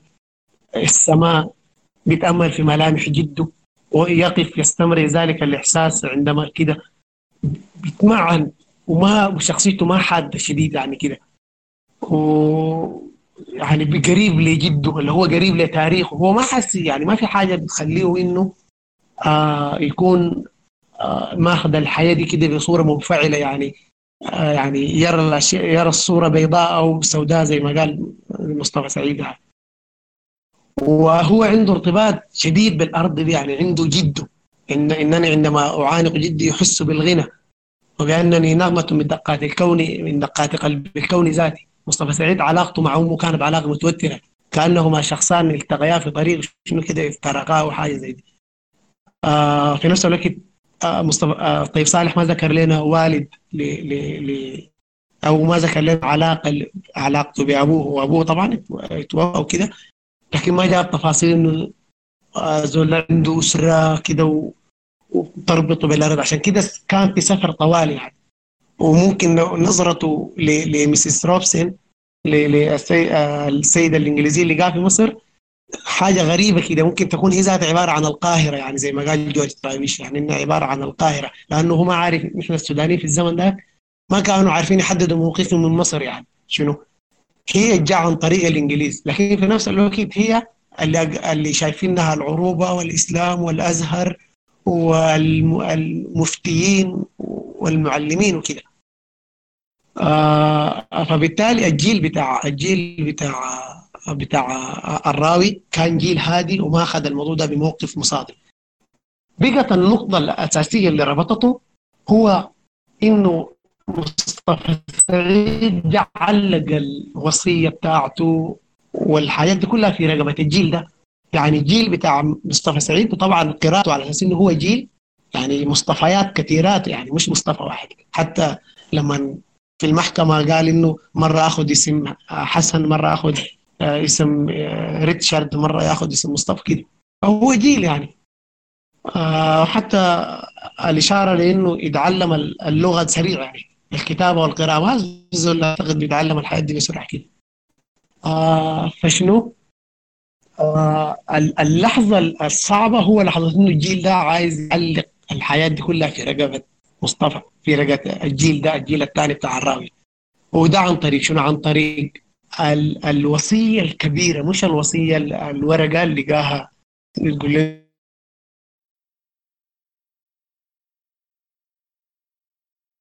أنت وصل الوصية. على محمود. الحسن وحيدة يجي مصطفى سعيد. مصطفى سعيد عمل شنو لما جاء القرية؟ اتزوج الزولة دي وأنجب منها ابنين وسكن وحاول يخدم القرية بمشروع. منظمة فعلا. وزول بيشتغل وزول دخل في في الطين بتاع الأرض يعني وجاب أفكار جديدة وكده يعني. دي خدمة. لكن هو أحدث تغيير كبير في حسن بن محمود. في حسن بن محمود عمير آه ممكن نقرأ حسنة لأنه السودانيين بيقولوا حسن لحسن يعني. ممكن نقرأ على إنها هي حسنة بمعنى جميلة. لكن ممكن نقول حسنى أو حسن فهو عمل تغيير كبير في السيدة دي. من مجرد كانت زوجة عادية آه لأنها آه آه اللي هي حسنى أنا بميل لأنها حسنى لأنها تبقى امرأة مختلفة شديد لدرجة. محجوب قال إنه كنا بنتذكرها لما كانت زمان طفولتها معانا. وبعد ذاك تحولت لواحده كده كأنها ما من كأنها من بنات المدن. وهنا دي إشارة كبيرة جدا. آه وخلى الجيل ده خلى جيل الراوي ده وصي عليها وعلى أبنائها. وأعتقد إنه خلال خلال وجود الجيل ده خلال وجود مصطفى سعيد ما الراوي ما ذكر لنا حاجة إنه مشى له أسرته وشاف حسنها أو كده. كان كان دائما علاقته مع مصطفى. لكن بعد توفى خلى الوصية عليه. وهو كان مستغرب إنه خلاه له يعني يعني في شنو مميز كده؟ يعني ليه خدت فيني الموضوع ده؟ بدأوا يسالوه بينك وبين الزول ده شنو وبينك وبين أسرته دي شنو؟ النقلة اللي عملها مصطفى سعيد في في البيت دي اللي هي حولها مجرد واحدة قروية كده زي النسوان العاديات اللي يعني بتكلم بتذكر كلام إدوارد عطية عن عن مصطفى عن معاوية محمد نور لما دار يوصف الجو بتاع معاوية محمد نور إنه محاط بنساء. كل أمور متعلقة بالطلاق والزواج والإنجاب والحاجات دي يعني. حولها لامرأة زي بنات المدن يعني. بتعليق بيت مجذوب آه وبقت إنه دي هي اللي اللي المفروض يكون وصي عليها وعلى أبنائها. آه طبعا وصي عليها دي هي ما بتقلل من, من قيمتها. يعني لأنه هي فعلا مصطفى سعيد أشار لأنه هي حرة في التصرف. يعني أنا هنا بقول إنه الجو اللي خلاه مصطفى سعيد ده كله. فالصراع اللي حصل إنه إذا افترضنا إنه الجيل بتاع مصطفى سعيد ده إذا عايزين نقرأ قراية سياسية إنه الجيل بتاع مصطفى سعيد ده هو خلى حاجة كده جميلة. يعني خلاها زي مصطفى. أحدث تغير في في, في الزمن ده. ممكن نقول إنه في الجيل بتاع مصطفى سعيد السوداني الحقيقي ده ظهرت مفاهيم زي الوطنية والحاجات دي. وال وال البعض المعاني الجديدة اللي جابتها أوروبا ذاتها الحداثة وكده. فهنا بقت مسؤولية الراوي إنه يحافظ على الحياة دي. ولكن للأسف لأنه الجيل ده ما قدر يقطع حاجة معينة ففشل فيها في النهاية. وفشل فيها في قدام شنو نحن؟ كيف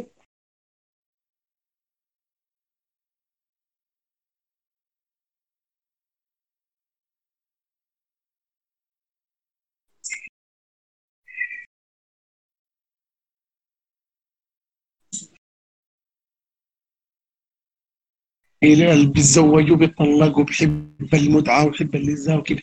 وأنا ممكن أتذكر كلام محمد جبال عن الدريس إنه قد يكون نحرز موقف تقدمي في موضوع الختان لكن هو نظرته كانت شنو يعني؟ هو نظرته كانت جنسية يعني. هو أخذ من الموقف ده اللي هو برر الحاجة الجميلة لكن بمنطلقه إنه والله الموضوع ده يعني يتكلم عن إنه الختان ده يعني بالنسبة له هو بيحدث كده. آه فبالتالي كان طاهر الدراسي هو آه لا عفوا. أو الدريس كان يمثل الشخصية التقليدية اللي هي عايزة تمتلك. ومجرد إنه حسنى بنت محمود أصبحت لافته للنظر كده بعد دخل عليها آه دخل في حياتها مستضعيني وهي واحدة في الثلاثين. امتلكها بالقوة وحسنى قاومت والجيل ده الجيل بتاع الراوي ده فيه نوع من الضعف فيتردد في إنه يستلم. يستلم الميراث ده يعني. فبقت دي المشكلة الكبيرة. أنا لما أقرأها كجيلين بقرأها بالطريقة دي. وهو جيل آخر حاجة عملها إنه نزل النهر ودي اللحظة اللي قرر فيها إنه داير يريد أن يحيا يعني ما داير يخوض غمار الموضوع ده. لأنه حس إنه لو سبح اللي هو النهر ده هو النهر ده هو بيمشي للشمال يعني. يعني نهر النيل هو بيمشي للشمال يعني. واحد من الرموز الكبيرة في الرواية إنه هو بيمشي للشمال هو ممكن يرمز للهجرة الكبيرة دي هجرة. إنه اوروبا بقت هي الحضارة بألف ولام التعريف مش مجرد حضارة تجي وتندثر. لا.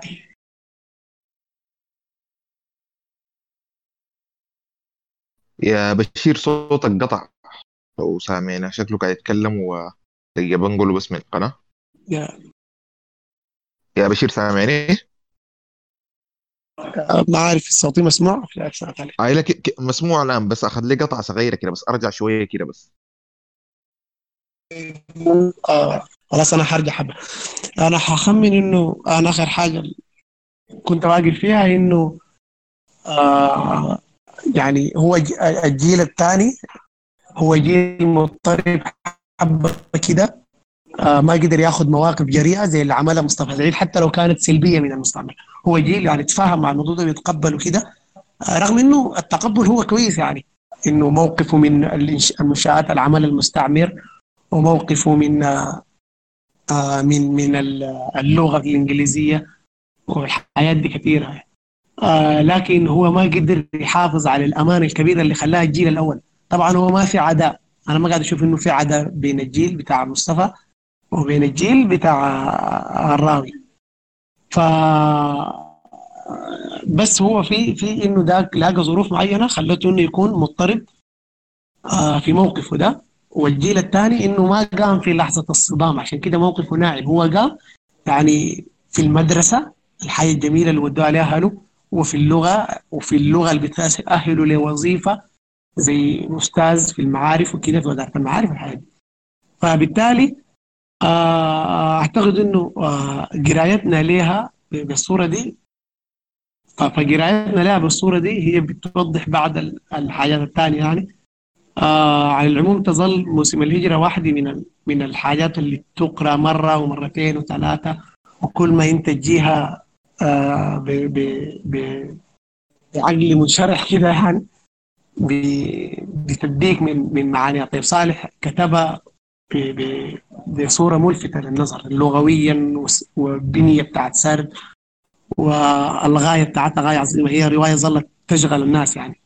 آه أنا سعيد بالمداخلة دي ما عايز أطول أعتقد إنه إذا فكرتي وصلت ملامح هيكون كويس يعني. آه شكرا شكرا جزيلا. شكرا لكم آه شكرا أستاذ بشير والله يا أخي. شكرا شكرا على جيتك أنا يعني آه أصلا آه، يعني الأسبوع اللي فات ما أظن ما كان في طريقة تلحق تلحقنا كان في المداخلة فشكرا لك والله يا أخي على المداخلة. آه، أديك ألف عافية. آه، صدام لو ممكن بس تثرينا شوية بس عن ال- الرواية دي. تدينا يعني قراءتك لها لو في عندك إمكانية مداخله السلام عليكم يا شباب. آه، كل سنة وأنتم طيبين. إن شاء الله تأمين ولامين والقابلة كده إن شاء الله زي ما عايزين كلكم.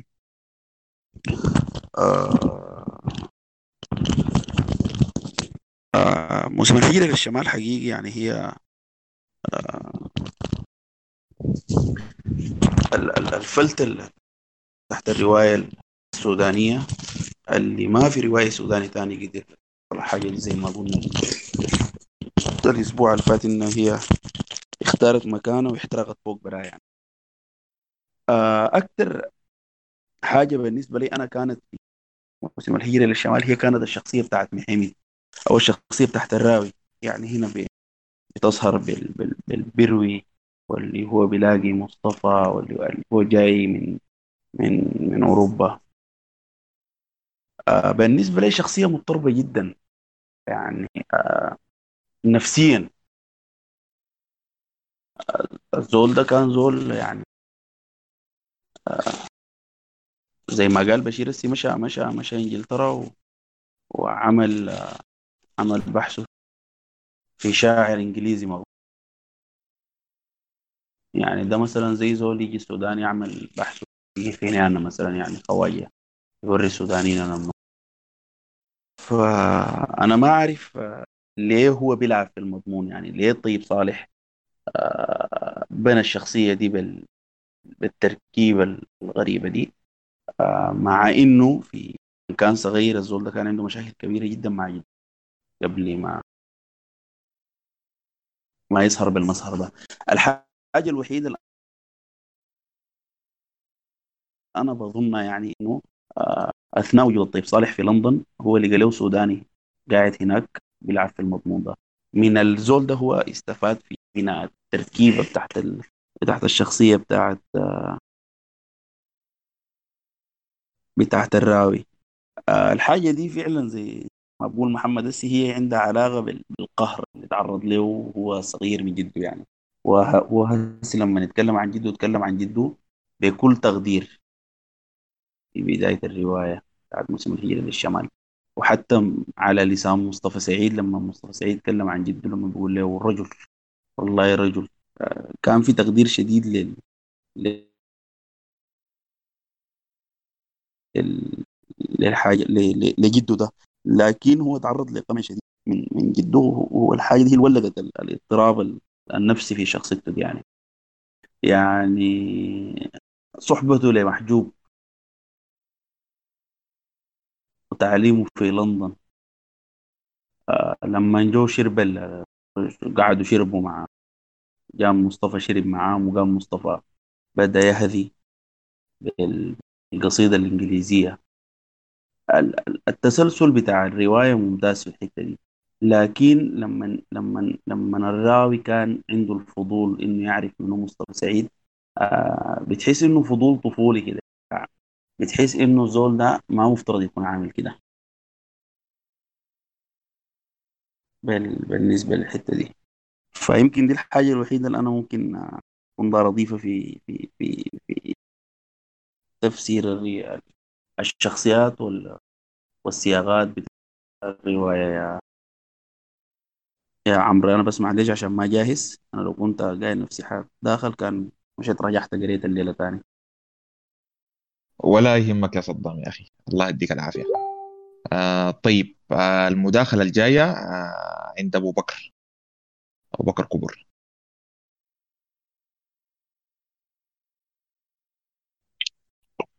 قلنا مساء الخير. مساء آه، النور. كل كل سنة وأنتم طيبين. ونقابل على أمانيكم إن شاء الله. أنا حضرت الجزء الأول من ال- الجلسة دي اللي أتكلم فيه مولانا هاني يعني. مداخلة متقطعة يعني لكن كان فيها جواهر وأصداف منثورة بكمية كبيرة يعني. آه، من الجيد يعني إنه الجلسة دي حتكون مسجلة يعني بحيث إنه الواحد في نقاط كثيرة يعني قالت آه، قالها هاني. هي عبارة عن أنا بالنسبة لي جزء منها رؤوس أقلام ممكن الزول يمسكه يطارده ويقدم قراية يعني ل- للرواية ويتتبع الفكرة دي يعني على على طول امتداد خط السرد يعني. على أي حال آه، آه، شكله في حاجات كثيرة راحت علي وتخيل لي آه، بشير آه، وسين الليلة شرفنا وقام عمل مداخلة. أحاول أثناء ما بتابع أقرأ المداخلات يعني والتعليقات حقت الشباب عشان يعني يكون مداخلتي يعني تكون تفاعلية. أنا حستفيد من المداخلة هاني لأنه قبل كنت بتابع معه وبكتب يعني. ففي عندنا نقاط عايز أعلق فيها. أعتمد برضه على الارتجال يعني لأنه أنا ما معتبر ال- الموضوع ده ندوة. يعني ما أعرف هل دي تكون حسنة أو أو مذمة يعني لكن في العادة يعني الزول اللي بيجي يتحدث في ندوة عنده عبء إنه يقابل المستمعين يعني. فقصة المستمعين الأربع ال- العشرين أو الثلاثين أنا والله عندي يعني على كثرتها هي أخف وطأ من إنه الواحد يقابل الجمهور يعني. وتبدأ الأفكار تتفلت من راسه يعني. فزي ما قال عمرو حتكون ونسة يعني. أوكي طيب آه، آه، واحدة من النقاط ال- اللي كتبتها. أيوه يعني آه، أزمة الهوية في الرواية. يعني يعني أنا أنا من الحاجات اللي يعني في الرواية رغم إنه يعني أحداثها الشخوص المركزية في أحداث تقريبا شخصيتين اللي هي محاميد اللي هو الراوي اللي بيبدأ المشهد بإنه عدت يا يا سادتي إلى أهلي بعد سبعة أعوام وما بعرف إيه. النص ال- الافتتاحية الشهيرة دي بنبدأها مع الراوي بنبدأها برضو مع في المنتصف تقريبا أو في الربع بنلاقي مصطفى سعيد. ديل نموذجين لنفرين مشوا أوروبا يعني. نموذجين مختلفين تماما. نموذج فيهم يعني ممكن نقاربهم يعني ب... ببعض المفاهيم اللي بقت يعني هي حديث الناس يعني. مثلا يعني المفردتين بتاعت الجيجا ودي بي آر دي هي بتختزل يعني ديبيت كثير نحن كلنا قاعد قاعدين نختبره كجيل يعني. بينفتح على الحداثة وبيتأثر سلبا وايجابا يعني. فازمه الهوية هنا تم استعراضها على على بتجربة واحدة مرت بها شخصيتين مختلفتين. يعني محميد اللي هو ود الحله اللي هو متصل بهويته وعارف هو منه وعارف إنه يعني وعارف يعني هو عايز شنو في الدنيا وبشخصية ال- ال- العبقري الفز مصطفى سعيد يعني اللي هو إلى حد كبير هو ابن الخرطوم يعني. والحاجة اللي أنا قاعد أشوفها الليلة يعني موجودة يعني يعني الفترة اللي بنقرأ فيها الجامعة بنكون قادرين نلاحظ ثنائيه ابن الريف وابن المدينة يعني في خطوط عامة عريضة يعني بنلاحظها تكلموا عنها ناس كثير جدا يعني يعني عرب وخواجات يعني عن الثنائيات دي. على أي حال آه أنا بيلفتني يعني إنه أزمة الهوية هنا هي ما بتعكس فقط يعني ضعف اتصال الشخصية بجذورها التاريخية لكن بصعوبة المشهد بصعوبة التجربة والإشكالية الكامنة فيها. التجربة بتاعت الوضع الصراعي اللي كان عايشه العالم ده. يعني it is very interesting إنه سامويل هينتون عنده كتاب يعني يتخيل لي في التسعينات إذا أنا ذاكرتي كويسة لو في دول متذكر يعني يوضح الحاجة دي في الشات. بيتكلم فيه عن قصص صراع الحضارات يعني. دي اطروحه أمريكية يعني فترة كده يعني السياسة الخارجية حقت أمريكا كانت متبنياها يعني. يعني أنا بعتقد إنه الفكرة دي اشار لها الطيب صالح يعني. الفكرة بتاعت الإشكال الصراعي يعني اللي, اللي قدام بيجي إدوارد سعيد يعني ويلفت النظر للرواية يعني والمشكلة عموما بتاعت الاستشراق يعني. لكن أنا بيعجبني الذكاء المتقد يعني والبراعة في الإمساك بخيوط المعضلة دي. خيوط عالمين داخلات في صراع مع بعض. يعني أنا بيعجبني جدا يعني بيعجبني جدا يعني إنه أيوه صراع الحضارات هي يعني آه آه كانت إنه التاريخ وصل لختامه. لا تقريبا يا محمد ختام التاريخ دي بتاعت فوكياما لا. anyway أنا بيعجبني جدا إنه ألو... الوضعية الصراعية دي ما بس عبارة عن سرديه بتاعت مظلوم مظلومية فقط من الغرب من الشرق المظلوم من الغرب. يعني الرواية دي جزء من البراعه فيها قدرة الطيب صالح إنه يعرض من خلال الشخصيتين ديل للإشكالية بتاعت الصراع دي وأثر على علاقه الطرفين مع بعض بصوره مأساوية، المأساة هنا بتتوزع على الشخوص السودانية سافرت برا عند الخواجة وتعلمت وتكلمت بلسانه وكذلك بالشخوص اللي احتكت بالزول المستعمر الجلا جاون يعني. فالروايه دي بمعنى من المعاني الجميع فيها مجرمين والجميع فيها ضحايا. يعني يعني في ناس بيحبوا يقروا إنه دي نقد للاستعمار باعتبار إنه الاستعمار حاجة كعبة واثرت لكن الرواية النقد حقها بيتغلغل بعمق وبيضع يعني بيلقي القبض على بنية العنف الكامنة في النوع الخطير ده من الصراعات. قبل مولانا هاني قال حاجة عجيبة يعني. قال إنه ألف سنة يعني اللحظة اللي بيتم في في لحظة كده في الرواية يعني مشهد فيه مرافعة يعني. تقريبا مصطفى سعيد يعني بيكون في المحكمة فبيجي زول محامي رافع عنه بيقول يا جماعة إنه مصطفى سعيد ده زول ذكي وما بعرف إيه لكن جرثومه العنف يعني بتاعت الحضارة الأوروبية أفسدت روحه. وفي نفس الوقت يعني دي الجرثومه جات قبل ألف عام. ويعني مولانا هاني قال دي إشارة للحروب الصليبية. اللي هي دي فعلا يعني دي لفته دي لفتة خطيرة جدا يعني. دي واحدة من التحولات الكبيرة يعني في في في تاريخ البشر يعني. يعني لو رجعنا من 1500 زمن الكشوف الجغرافية اللي هو تقريبا قبليه بكم ب 200 سنة كانت بذرة العنف دي بدأت اللي هي عبارة عن صراع استعماري مغلف بأيديولوجيا دينية قوية جدا يعني قدرت تخلق غباش على آلاف الناس يعني. بت... يعني اللي بيقرأ عن الحروب الاستعمارية بيستغرب يعني إنه بيستغرب إنه يعني هي ما كانت حروب بتاعت كفار ضد المسلمين بقدر ما إنها كانت حروب استعمار. بالمعنى بتاع السيطرة على موارد الآخر يعني الأندلس لما سقطت في في بداية القرن يعني السادس عشر أو يعني في نهاية 1500 وعلى مشرف مشارف 1600 بمعنى إنه نهاية القرن السادس عشر يقال إنه أهل الأندلس كانوا بينتظروا الجيش اللي بيجي من السلطنة بتاعت آل عثمان الوقت ده كان الصدى والأخبار بتاع سلطنة آل عثمان يعني الناس بتسمع بها فالغريب إنه أول جيش حركوه العثمانيين ما كان ضد الجيش بتاع ناس قشتالة والدولة بتاعت الدولة بتاعت اسمه ده يا ربي؟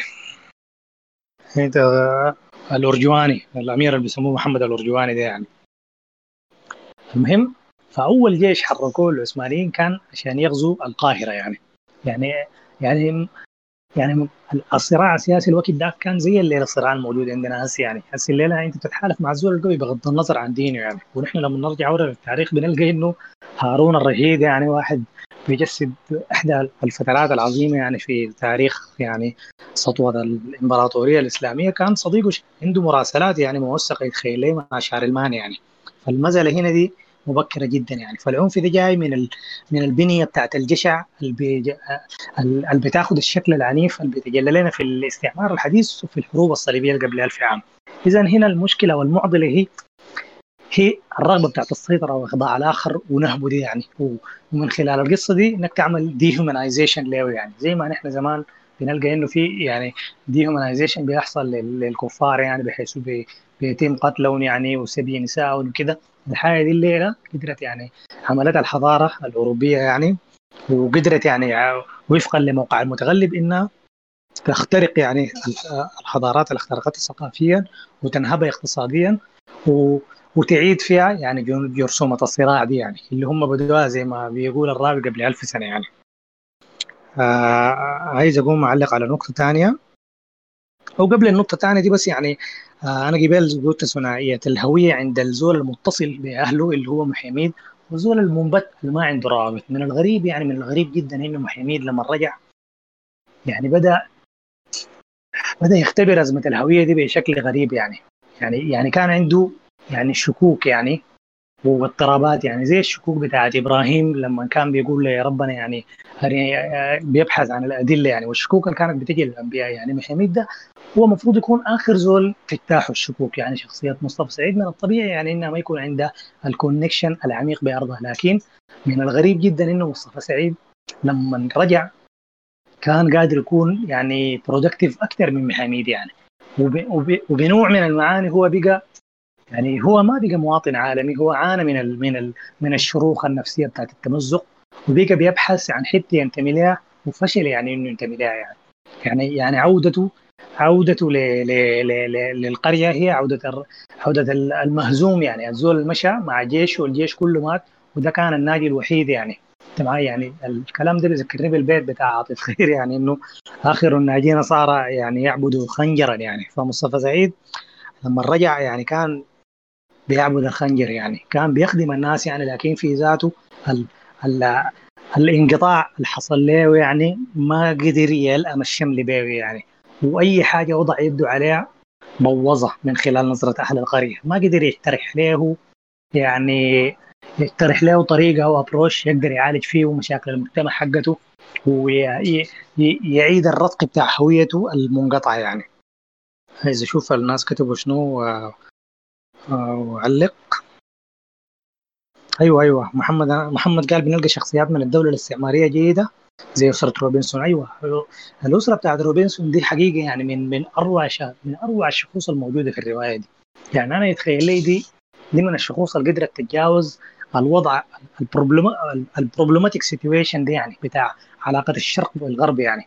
علاقة الشرق بالغرب اللي عندها وجهين يعني ما عندها بس وجه وجه المستعمر الظالم لكن عندها الوجه بتاع الزول المستعمر اللي برضه قاعد يشيطن الزول الثاني يعني نفس الحاجة دي بتظهر لنا في الأسئلة اللي كان بيقولها محميد يعني لما نجي يعني لما اهله يسألوه أسمع أنت رايك شنو في الناس ديل؟ والناس ديل يعني صحفيهم مزارعين والاسئله دي يعني اللي هي يعني فرس قبل اي فرس طفوله يعني قبل أي شيء. واضح إنه أول شيء الناس دايرين يتأكدوا الناس دي بشر زينا. يعني حاجة غريبة جدا يعني. يعني يعني نحن المفروض نزل عن الاختلاف أكثر مما انه نحن نحاول نتأكد من بشرية الناس ديل يعني. فمحاميد يعني بيستشعر عمق ال... عمق الهوة اللي بيخلقها ال problematic situation دي يعني بحيث إنه بيدي إجابات في ظاهرة ساخره يعني نوعا ما. يعني إنه يا جماعة وأنا كنت عايز أقول إنه الناس زي بيفرحوا وبيضحكوا وما بعرف إيه لكن فعلا يعني الهوة المتسعة يعني التركتها الترك لنا الإرث بتاع الاستعمار الأثر بتاعها الأثر بتاعها يعني موجود الليلة في الشرق وموجود في الغرب يعني. جزء منه هي النخب مثلا المفلسة يعني بنلقى النص اللي بيتكلم فيه عن سادة أفريقيا الجدد ذوي ذوي البشرات الملساء وما بعرف إيه يعني.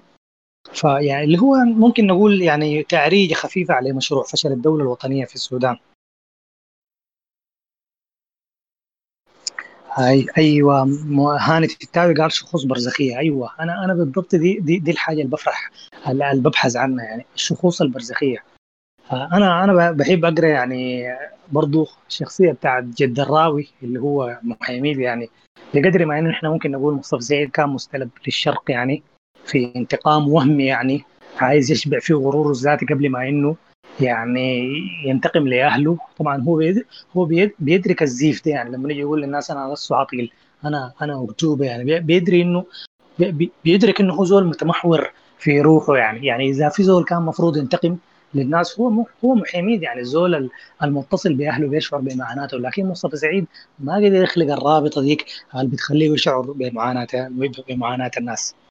جد الراوي أيوه جد الراوي يا صدام هو الزول اللي أنا ممكن يعني بشعر فيه إنه كان ممكن يكون يعني لو حصلت عليه تعديلات شوية يكون شخصية عابرة للحضارات لكن لأنه ما حصل له communication يعني مع مع الحضارة الثانية يعني أو على الأقل ما في مشهد بي- بيكثف لنا يعني ال- ال- المحصلة يعني بتاعت ال engagement ده ما بنقدر نحكم عليه لكن هو زول الفلسفة حقته واضحة في العين وبعدين هو بتيجي بعض النصوص البديعة يعني اللي بيتلخص فلسفته يعني بتاعت إنه يعني كشجرة كشجرات السيال يعني يقهر ال...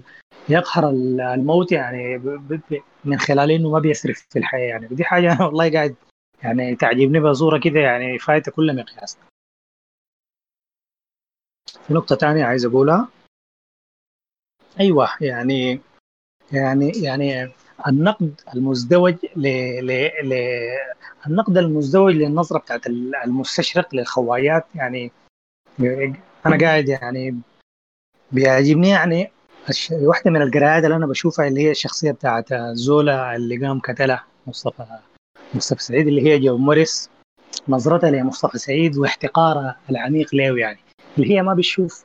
يعني جيم موريس دي هي واحدة من الحالات المرضية يعني. يعني هي كا هي تكاد يعني تكون مشابهة لمصطفى سعيد. هي تجسيد يعني لجزء كبير من ال...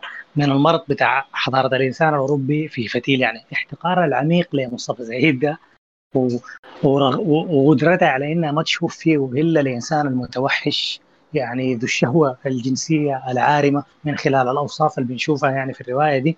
دي بتعكس لنا الخبث الكامن الموجود في النظرة دي في النظرة دي يعني. بنلقى إنه الناس بتتكلم يعني مثلا عن عن إنه القدره الجنسية بتاعت الرجل الأفريقي قوية وما بعرف إيه وفي لتريتشر وفي ناس بيطل يعني بيستثمروا في الموضوع ده قروش الموضوع ده ممكن يكون في ظهره بعض الناس يشعروا به مدح يعني كفارقه لكن الموضوع ده ده جد الاستخ- الاستشراق العنيف المخيف لأنه ده بيحاول يصور الإنسان الأفريقي كوحش. يعني حتى يعني ال- الحتة بتاعت إنه يعني عنده طاقة جنسية دي عبارة عن يعني يعني دي دي اغال في وصفه بإنه وحش يعني. مش إنه يعني زول عنده ميزة. فالحتة دي نوعا ما أنا بشعر إنه جيم موريس قدرت دائما تجسد لها قدرت تنظر تدي مصطفى سعيد النظرة دي يعني من غير أي مكملات أو مساحيق يعني قدرت تديه النظرة دي. ولسبب ما مصطفى سعيد يعني كان بيحاول يهرب يعني بعد ما ثقف وتعلم بيهرب من النظرة دي يعني لكن somehow يعني الزول ده يعني أحيانا بتشعر انه إنه جيم موريس هي قدرت تشوف الحاجة دي فيه ورغم إنه هو بيدعي إنه جاي يثأر لناس يعني يثأر لأهله ولحضارته من من الاستعمار والنظرة دي يعني لكن بنلقى إنه نوعا ما الوجع الجاو نتيجة للنظرة دي بيكشف له حقيقته إنه هو هو كذلك هو كذلك يعني والغ في في قصة العنف يعني جرثومه العنف دي هو ما بريء منها يعني. هو ما قدر يكون إنسانوي هو ما قدر يتجاوز الثنائية دي يعني. هو في النهاية الحاجة اللي عملها غير إنه يكون طرف في النزاع ما أكثر من كده يعني. ما قدر يعمل ما قدر يكون game changer يعني أنا بالنسبة لي ال game changer في في الشخصيات دي كلها Mrs. روبنسون دي الزول اللي قدرت تنظر للشرق يعني كبشر. يعني دي ما نظرت للشرق من خلال يعني من خلال الخبايا والحكاوي بتاعت ألف ليلة وليلة وشرق الحريم. والشرق يعني القاعد يعني يصوروه كانوا الرحالة يعني بكثير من الكذب يعني في في قراياتهم. والله يا أخي يا نوراني أنت قلت مستشرق. هو هو يعني يعني هو هو نحن عموما يعني عندنا مشكلة ما يعني نقد الاستشراق ده كان للمستشرقين لكن خلينا نقول لأنها كانت مستشرق كويس يعني. يعني في المستشرق الكعب وفي المستشرق الكويس. و هو نحن عندنا مشكلة مع المستشرقين الأكاديميين يا نوراني. يعني كثير من الإسقاطات دي جاية بسببهم يعني. إدوارد سعيد معركته كانت مع مع المستشرقين الأكاديميين أكثر من مع الرأي العام تخيل لي أنا بتذكر كويس يعني المحتوى بتاع كتابه ونقده يعني المثقف. آه والله يا صدام بس روبن دي هم مؤمنين والله بالحيل يعني هم مؤمنين. لكن يا يا محمد عبد الرحمن أنا ما أعتقد المساله دي ببساطه انها بس بقت أم يعني. لكن ربما يكون definitely هي قدرت تنظر يعني أيوه أيوه أنا أنا أنا أنا بعتقد أنا بتفق معك لأنه يعني ال position بتاع الأم ده position عابر للحضارات يعني عاطفة الأم هي نفسها عاطفة الأم في أفريقيا هي نفسها عاطفة الأم. في reaction ات كده قادرة تتجاوز أي حاجة يعني. فربما يعني الحاجة دي هل قدرت يعني شنو تنزع عنا definitely بعض الإسقاطات اللي كانت يعني بتحملها كزولة مثلا يعني موقعها في الإعراب إنها موقعها في المشهد ده إنها مستشرقة. باعتبار انه المستشرقين هم قاعدين يجزروا للنظرة بتاعت العنف دي من منحى أكاديمي. أنا عايز أقوم أعرج على نقطة ثانية أيوه مسألة شبكات النقل في أفريقيا يعني النص البسيط اللي ذكره طيب صالح ده بتاع إنه المستعمرين ما عملوا سكك الحديد عشان ينقلوا بها بضاعتنا إنما عملوها عشان ينقلوا بها الجنود وعملوا مدارس عشان يقول يخلوها تقول نعم. وفي الحقيقة يعني يعني النص ده حقيقي يعني ده ما عبارة عن وصف بلاغي أو وصف كده لكن يعني أي زول بيقرأ عن تاريخ الاستعمار بيعرف إنه تاريخ شبكات النقل ده في في أفريقيا كله كان محكوم بالماكينة بتاعت الاستقلال. الماكينة بتاعت الاستغلال والنهب يعني يعني سكك الحديد يا عملت لنقل الجنود يا عملت لنقل البضائع. البضائع اللي بتصدرها مثلا يعني بريطانيا القرن التاسع عشر في الوقت ذاك يعني. في نفس الوقت لنقل المنتجات الخام يعني البن مثلا أو يعني القطن أو باقي المزارع. اللي بيقوموا هم يعني المحاصيل اللي بيدخلوها يعني. يعني باختصار يعني النص ده بيوضح لنا العبث بتاع المستعمر في بنية الاقتصاد الأفريقي وتكييفه لها بحيث إنها تجير في مصلحته يعني. يعني هو مش بس كمان يعني أنا أنا دي دي واحدة من الحاجات البديعة في الأدب.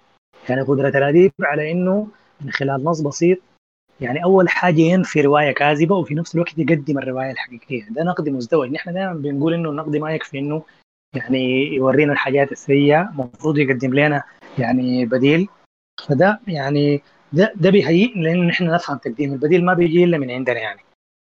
في نقطة ثانية يعني أنا أنا قاعد يعني بربطها يعني بحديث الطيب صالح عن سادة افريقيا الجزء. وده هو حديث محاميد لما نرجع مع الخرطوم وتونس مع محجوب تخيل لي. فبقول لهم إنه يعني جلودهم ملساء وما بعرف إيه اللي هو وصف للنخب الأفريقية. واحدة من الحاجات الغريبة يعني في حلقة تكلم فيها دكتور صديق مبدة قبل أعرف السنة دي أو السنة اللي فاتت. فبيقول إنه لاقى لاقى واحد من الناس اللي كانوا موجودين في اللجنة بتاعت سودنة الوظائف إبان خروج الاستعمار من السودان. فالزول ده قال له يا أخي أنت عارف والله نحن اللي عملناه ده ممكن يدخلنا جهنم. كمية اللعب اللي عملناه بموضوع السودنة ده ده دي دي كانت جريمة كبيرة جدا يعني. وغالبا الطيب صالح كان قريب من الزمن ذاك يعني. الستينات الجيل حق الستينات ده هو الجيل اللي يعني يعني قدر يشوف التمايز يعني والمصالح بتتحرك كيف يعني. دي واحدة من اللحظات المبكرة ظهر فيها الموضوع ده لكل الناس يعني. آه أنا أنا قاعد أقرأ من نقاط يعني آه يعني كنت ملخصها. آه في نقطة لكن أنا تخيلت تكلمت عليها اللي هي بس فكرة النقد المزدوج للنظرة الصراعية بتاعت الاستشراق. انها يعني طيب صالح هنا دي أنا باختصار عايز أختم النقطة دي. قدم نقد للاستشراق وقدم نقد للاستغراب. يعني يعني دي, دي الحاجة اللي أنا قاعد يعجبني فيها. يعني مصطفى سعيد أو إدوارد سعيد كان بينتقد الاستشراق لكن مصطفى الطيب صالح قدم نقد للاستشراق ونقد للاستغراب يعني اللي هو الديهومنايزيشن اللي بيحصل مننا نحن يعني بذريعه إنه نحن يعني مظلومين وكده يعني. فدي والله قدرة نفاذه يعني على تعريه خطابات المظلومية ووضعها أمام يعني يعني وضعها تحت نظارة النقد الصارمة يعني. فزي ما قال أيوه أيوه هو انتصر للإنسان سواء أبيض أو أسود. هو يعني يعني يا اخوانا صعوبة الحاجة دي يعني بتجي من إنه أنت من الصعب إنك تنتصر من الإنسان لما أنت تكون بتنتمي للإنسان المظلوم. وفي نفس الوقت من الصعب إنك تنتصر للإنسان المظلوم لما أنت تكون بتنتمي للإنسان الظالم. يعني دي حاجة عشان كده أنا يتخيل لي الطيب صالح يعني قدم يعني في الرواية دي ما قدم النقد المزدوج ده من خلال شخصية واحدة يعني. إنما من عدة شخصيات. وقدموا لنا من خلال تقديم شخصيات ناضجه وشخصيات شخصيات متجاوزة يعني لل problematic situation بتاع الصراع ده من خلال. من خلال تقديم شخصيات غارقة في المعضلة دي يعني.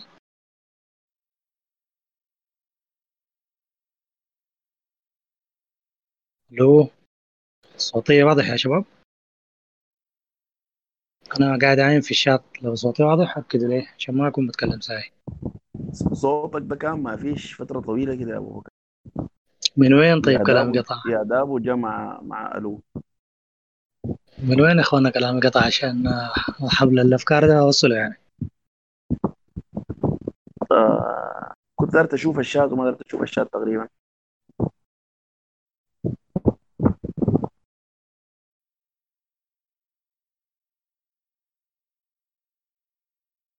okay okay. الصوت شكله واضح. آه طيب على نقطة. أرجع للنقاط اللي أنا مسجلها. أيوه أنا أنا أنا آخر حاجة تكلمت عنها أثناء ما الصوت قطع غالبا هو هو الإيجو يعني. قدرة الطيب صالح على انه يعني يطلع من الموضوع الصعب اللي كان بيستعرضه اللي هو العلاقة ال problematic بتاعت اللي سميناها بالاستشراق أو الاستشراق ده مسمى معروف لكن أنا سميتها من جانبنا بالاستغراب. قدرة السيد صالح على إنه ينسل من من السياق الكبير ده ورجعنا لمعضلة مصطفى سعيد النابغه المغرور يعني اللي بيحاول يعني يخلد نفسه هل هو فعلا كان نابغه مغرور؟ هل القصة كلها بس يعني زي حي على لسان محمد؟ أنا كنت عايز أكشف أنا كنت عايز أكشف الزيف يعني نحن ما في النهاية بنشوف الرواية دي من نظارة محمد فمحمد لما كان بيحدثنا من بعد ما مصطفى سعيد مات بيجي بيحاول يحرق الغرفة بتاعته يقول إنه الزول ده أنا عرفته. الزول ده عايزني أنا عايز يخلد نفسه من خلالي أنا ويعيش ل- إلى أبد الأبدين. إحنا هنا في الحقيقة ما بي ده ما رأي مصطفى سعيد. دي عبارة عن تأويلات محميد اللي هو التأويلات دي يعني بتعكس الانا بتاعت محميد يعني المتضخمة يعني وفي نفس الوقت عالقة يعني في براثن فشلة يعني. فأنا قاعد أنا دائما قاعد أشوف ال- ال- الجزئية الأخيرة دي إسقاط يعني إسقاط من محاميد على مصطفى سعيد يعني. لأنه أنا بالنسبة لي يعني مصطفى سعيد ده رجع مهزوم يعني. ما في يعني أنت يعني ده ده, ده رجع مهزوم زي ما أنا قلت قبل يعني. عودة عودة الفارس عودة الابن الضال يعني إلى إلى قريته يعني. أو عودة الفارس يعني الخاسر يعني بعد معركه قتل فيها كل زملانه يعني. فانا ما قادر أشوف إنه كان بيبحث عن مجد شخصي يعني بالعكس يعني الزول حتى الخدمات اللي كان بيقدمها في الحله وفي القريه كان بيعملها بإحساس بتاع بتاع ذل نوعا ما أو أو يعني خلينا ما نقول ذل لكن إحساس بتاع هزيمه خفية يعني كانت طاغية على انفعالاته وتفاعله مع الناس بحيث إنه ما كان قادر حتى يدعي لنفسه بعض الحقوق اللي هو كان بي بي بيستحقها يعني.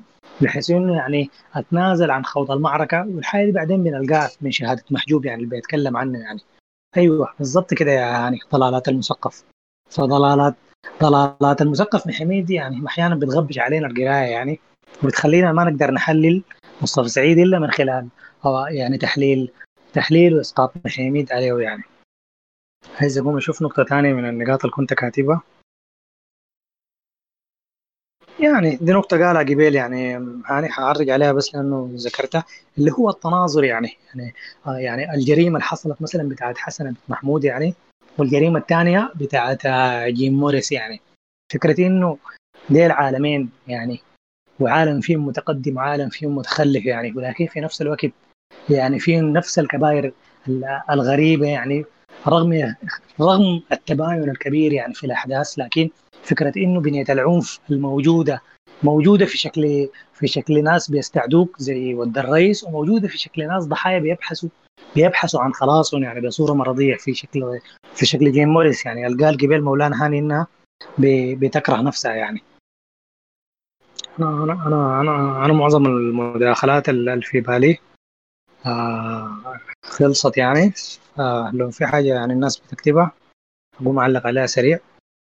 لكن قبل كده ش- شايفة محمد قبيل كتب لي الأثر المتنبي يعني في في الرواية دي.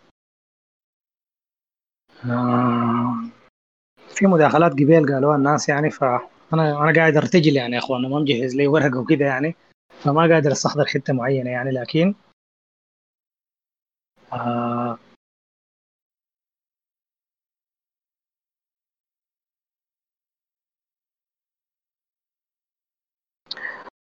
في زول قال آه، محميد دافع عن حسنة ده موقف ما بننساه. أيوه هو لكن يا محمد عبد الرحمن ده دفاع الرجل العاجز يعني. محمد ده نحن ما بنتوقع منه مدافع. محمد ده كان المفروض يتصرف يعني. أنت معي فهو يعني ده, قمة الفشل بتاع محمد في الرواية دي أنا ب- الفشل بتاع شخصيته يعني والانهزامية الكبيرة بتاعته يعني. إنه زول عجز عن اتخاذ موقف كان منطقي لمعظم القراء يعني. أنا بتذكر إنه كل مرة بقرأ فيها الرواية بكون مستني زول ده يعمل حركة يعني. بقوم بيزعجني جد جدا منه يعني إنه عنده قدرة على إنه يقول الكلام الضابط لكن الزول ما عنده قدرة بقرش يعني على إنه يعمل يعني نص الفعل الضابط يعني.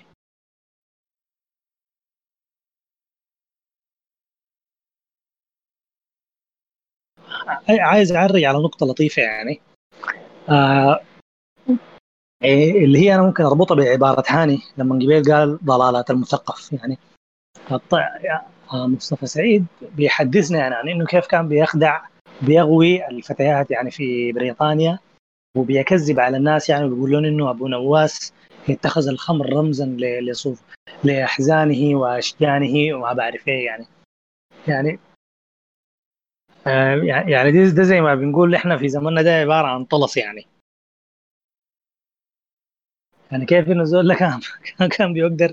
أنا أنا مش بس بيعجبني قدرة الزول على توظيف الطلس لكن أنا امبارح يعني كان في حديث فقمت انتقدتها كان في كلام في زول قرأ لنا تقريبا قصيده لعاطف خيري. فقمت قلت إنه بعض التقنيات اللي بيعملها عاطف خيري في شعره دي في ناس بيقوم بتستخدمها بطريقة رديئة يعني وكده يعني.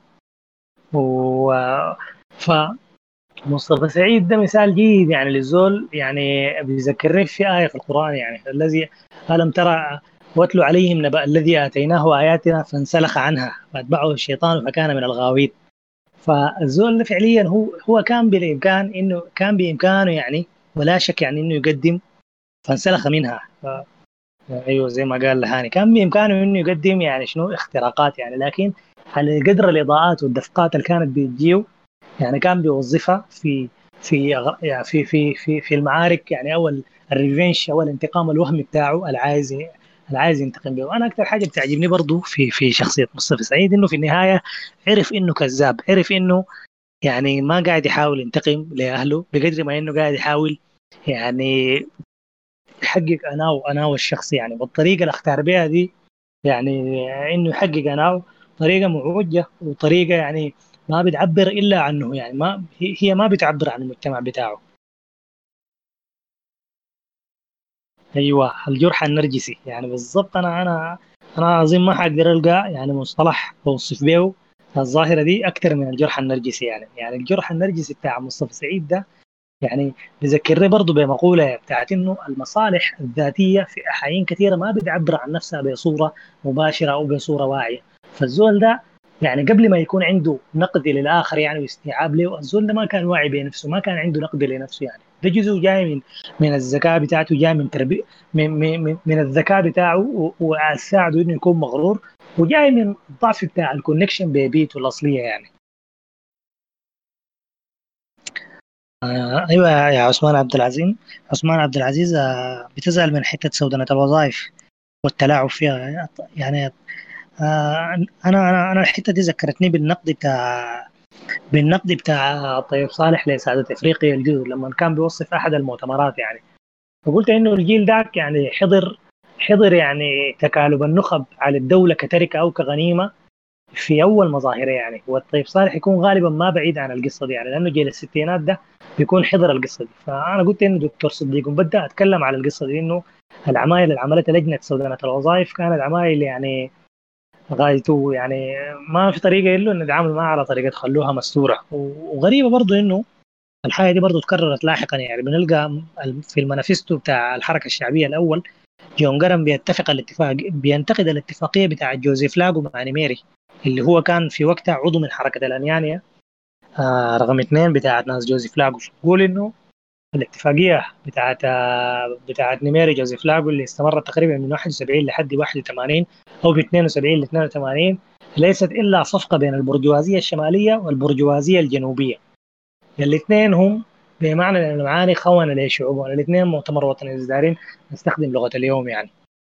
دي يعني دي دي دي إماضة يعني وإماضة يعني ولفتة مبكرة جدا يعني. إخواننا أنا يعني ما عندي أفكار واضحة أكثر من كده. المداخلات في ذهني والأفكار يعني الما مرتبه دي قلت معظمها يعني. فأقوم أدي الفرصة للناس عشان تداخل. هو الشباب اللي يعني عايزين يداخلوا.